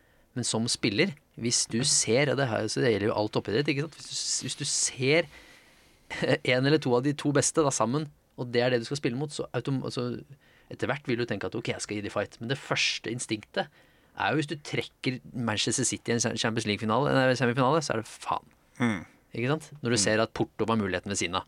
Og så sitter du alltid i garderoben ja, ja, men vi kan slå dem, Ja, dette, så men så kommer det, så du så kommer det. Alle reagerte på samme måte, at det var å, Ikke shit, sant? ikke sant? Så Ja. trekker du McIlroy Hovland først, så er det sånn «Åh, Nei. Ja, vi starter der, ja. Ja, og så kommer du ut og sier men vi skal ta de. Men du vet alltid bak i bakhodet ditt så kommer du til å ligge faen, ass. Du vet at hvis de leverer, så taper vi. Ja. Så enkelt er det. Hvis Macker og Hovland går ut sammen, og Du begge må ha hjelp sitt- hvis du skal ha Ja, mulighet. Ja. Ja. Og det syns, det syns jeg da personlig er litt undervurdert. Ja. Og så er det Så du sånn- vil ha McIlroy Haaland? Jeg vil ha du? noen sterke pairings. Jeg vil, Ja. ha, sånn, jeg vil ha noe krutt med en gang. Ja. Jeg vil liksom ha bare tenkt, altså, Sett en støkk i de. Så kan det hende at det er backfire de luxe, men Mm. da kan du i hvert fall Men så er vel Europa òg i en posisjon sånn på papir at de kanskje må ta noen Ja, ikke sant? og. Altså, men så setter du ut, da kommer, da kommer Fitzpatrick og Fleetwood etterpå. Det er ikke så dårlig, det. Nei. Altså, så kommer Lowry altså, Si du setter ut eh, ja, Så kommer Lowry sammen med, med altså, Ram Rose. Det er fint, det òg. Ja. Ikke sant? Og så kommer kanskje Aaberg og Ja, nå gikk det videre. Men altså, Ja. få ut noe sterkt der. Ja. Ikke få ut liksom den Westwood Fitzpatrick som jeg husker kom ut i fjor. Mm. Sånn, åh, og så var det Hovland Casey. Så var det, ja, ja, ok, vi sa jo det, det er en god ballstreaking, men Ja. begge vis prøvde jo egentlig bare å bygge det opp til det det ikke var. ikke sant? Mm. Du fikk Ram Garcia med en gang, Ja. og du så og den effekten den liksom hadde. sånn, den er fartig, Ja, og og den så fikk du, ok, ja. McIlroy Polter tapte, men du fikk i hvert fall den Når den kom på scenen der, ikke sant, så var det sånn OK, here we go. Mm. Og så var Polter dritræva, og det var McIlroy, men Ja. den er undervurdert, i mine øyne. Så jeg vil ha at Luke Donald skal si det første. At han skal liksom si 'First out for Team Europe', Victor Hovland, og så en eller annen. Ja. Enten Ludvig Aaberg eller Rory McIlroy. Da, Ja. da tenker jeg OK, let's fucking go. Ja. Nei, vi, vi kan la det bli siste hype. Det var bra, det. Eh, Ja, det var bra. En bra. Så kan du, Joakim, eh, hvis du eh, har lyst til å være så frekk og da, da, fortelle sendetidene til Det blir jo lange dager. Det er vel sendestart 7.30. Det er det som er oppstart. Det er som det er første alltid- gruppa ut. Det er første gruppe ut er 7.35, 7.35. så man kommer alltid bare for å få litt stemninga på første tid der. Så det er lange dager da for gutta. Det Ja, blir, eh, nei, jeg har jo fått Jeg skal jo ned til Roma på onsdag og har fått beskjed at du, du bør beregne halvannen til to timer og komme deg til banen. Så det betyr jo at jeg må sikkert opp i halv fem-draget. Texas, det her. Nei, det blir rått. Um, Var det singelmatchene på søndag? 11.30 eller noe, var det det? det husker jeg ikke sånn top of mind, men det er litt seinere, ja. Det er ikke like så fikk jeg òg et spørsmål om du får med deg noen i boksen. Espen Kofstad skal være med. Ja. Og så er det en utegående reporter som skal Ja. eh, fly som ei høne der nede også. Det, det blir gøy å følge. Det er bra. Nei, men Det er bra. Da er vi klar. Eh, I snakkende stund så er det da litt under ei uke til vi slår i gang. Og så Skriver vel mandag når podcasten kommer ut, tipper jeg. eh, Ja. Tror jeg søndag. Redigerer Rydningen sa han skulle Ja, okay. være Ja, klar nei, mandag. men eh, det må jo Da har vi jo god tid. Hva tipper, skal vi tippe sluttresultat, da? Som avslutning? Bare for å se, legge hodet på blokka enda mer? Det er 14-14 som utgangspunkt. ikke sant? Ja. Jeg tipper 14,5-13,5 Europa. Jeg. Jeg kan være med på Jeg kan være med på jevn seier i Europa, så jeg kan bare støtte deg på den. Jeg, jeg, jeg har ikke lyst til å sitte her og gjette at USA vinner, altså. Nei, det har ikke det, det, Den pessimisten i meg, den Skal jeg være douchebagen, da? Ja. Da sier jeg eh, 15,5, 12,5 USA. Liksom uansett eh, Victor beste poengplukker i Norge. Nei, Europa. Norge. jeg håper han blir Norge blir det beste! Nei, jeg, jeg tror i alle fall altså, Alt kan skje, men jeg tror i alle fall at det vil bli jevnspilt. Ja. Jeg tror ikke vi får en søndag der det liksom ikke er noe fart i det. Da blir jeg overraska. Men vi får se. Det er derfor de spiller. Så kan Jeg tror vi er, jeg tror vi er, ett, jeg tror vi er ett eller halvannet poeng unna hverandre i singel. Så tror jeg rett og slett bare liksom det, Jeg tror Europa faller litt gjennom der, rett og slett. Jeg tror, eh, jeg tror Rose, Høygård, McIntyre Tror ikke de kommer til å ta noen poeng der i de singlene. Jeg tror Harmon og sånn ikke sant, de plukker det singelpoenget. Ja. Tror jeg. Sånt. Dessverre. Nei, det er godt mulig du har rett i det. Eh, men vi får være optimister. Så lenge det lar seg gjøre, iallfall. Um, Jeg har gjetta litt med hjertet, jeg òg. ja, ja. Det må være lov, det. Ja, det Um, vi kommer vel ikke til å ha noe podkast før uh, eventuelt det blir en gjest, og vi gjør noen sånn spesialpodkaster uh, mm. før jul. Vi jobber med litt uh, Ventura og Ja, finner Pluss, riktige tidspunkter for de, disse folkene her. ja. Så det er Så målet utover høsten, da. Det blir jo målet, og så blir det jo da eh, første sånn Så her skal vi vel prøve å få juletradisjonen tilbake. Ja, det må vi få. Og så blir det vel ikke før, sånn, skikk, sånn vanlig igjen før, det, før Century, egentlig. Ja. Så da er det bare å Ja, vi skal oppdatere på det. Men uh, uansett, Ryder Cup nå først. Det blir rått. Og lykke til, Joakim, med kommentering. Så får vi håpe at jeg overlever der nede, og at du, Marius, uh, ikke river deg i håret for tidlig når du ser uh, Sepp Straka og Justin Rose bli første pairing på fredag morgen. Og tenk den, da. Å.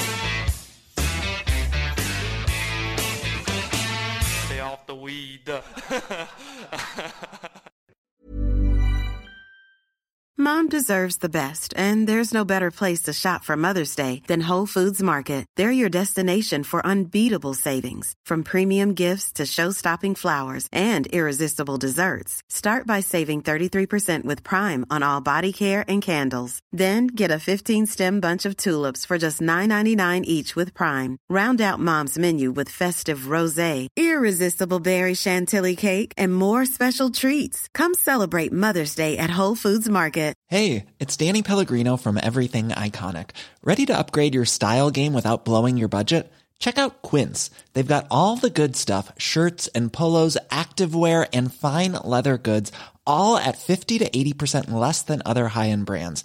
And the best part? They're all about safe, ethical, and responsible manufacturing.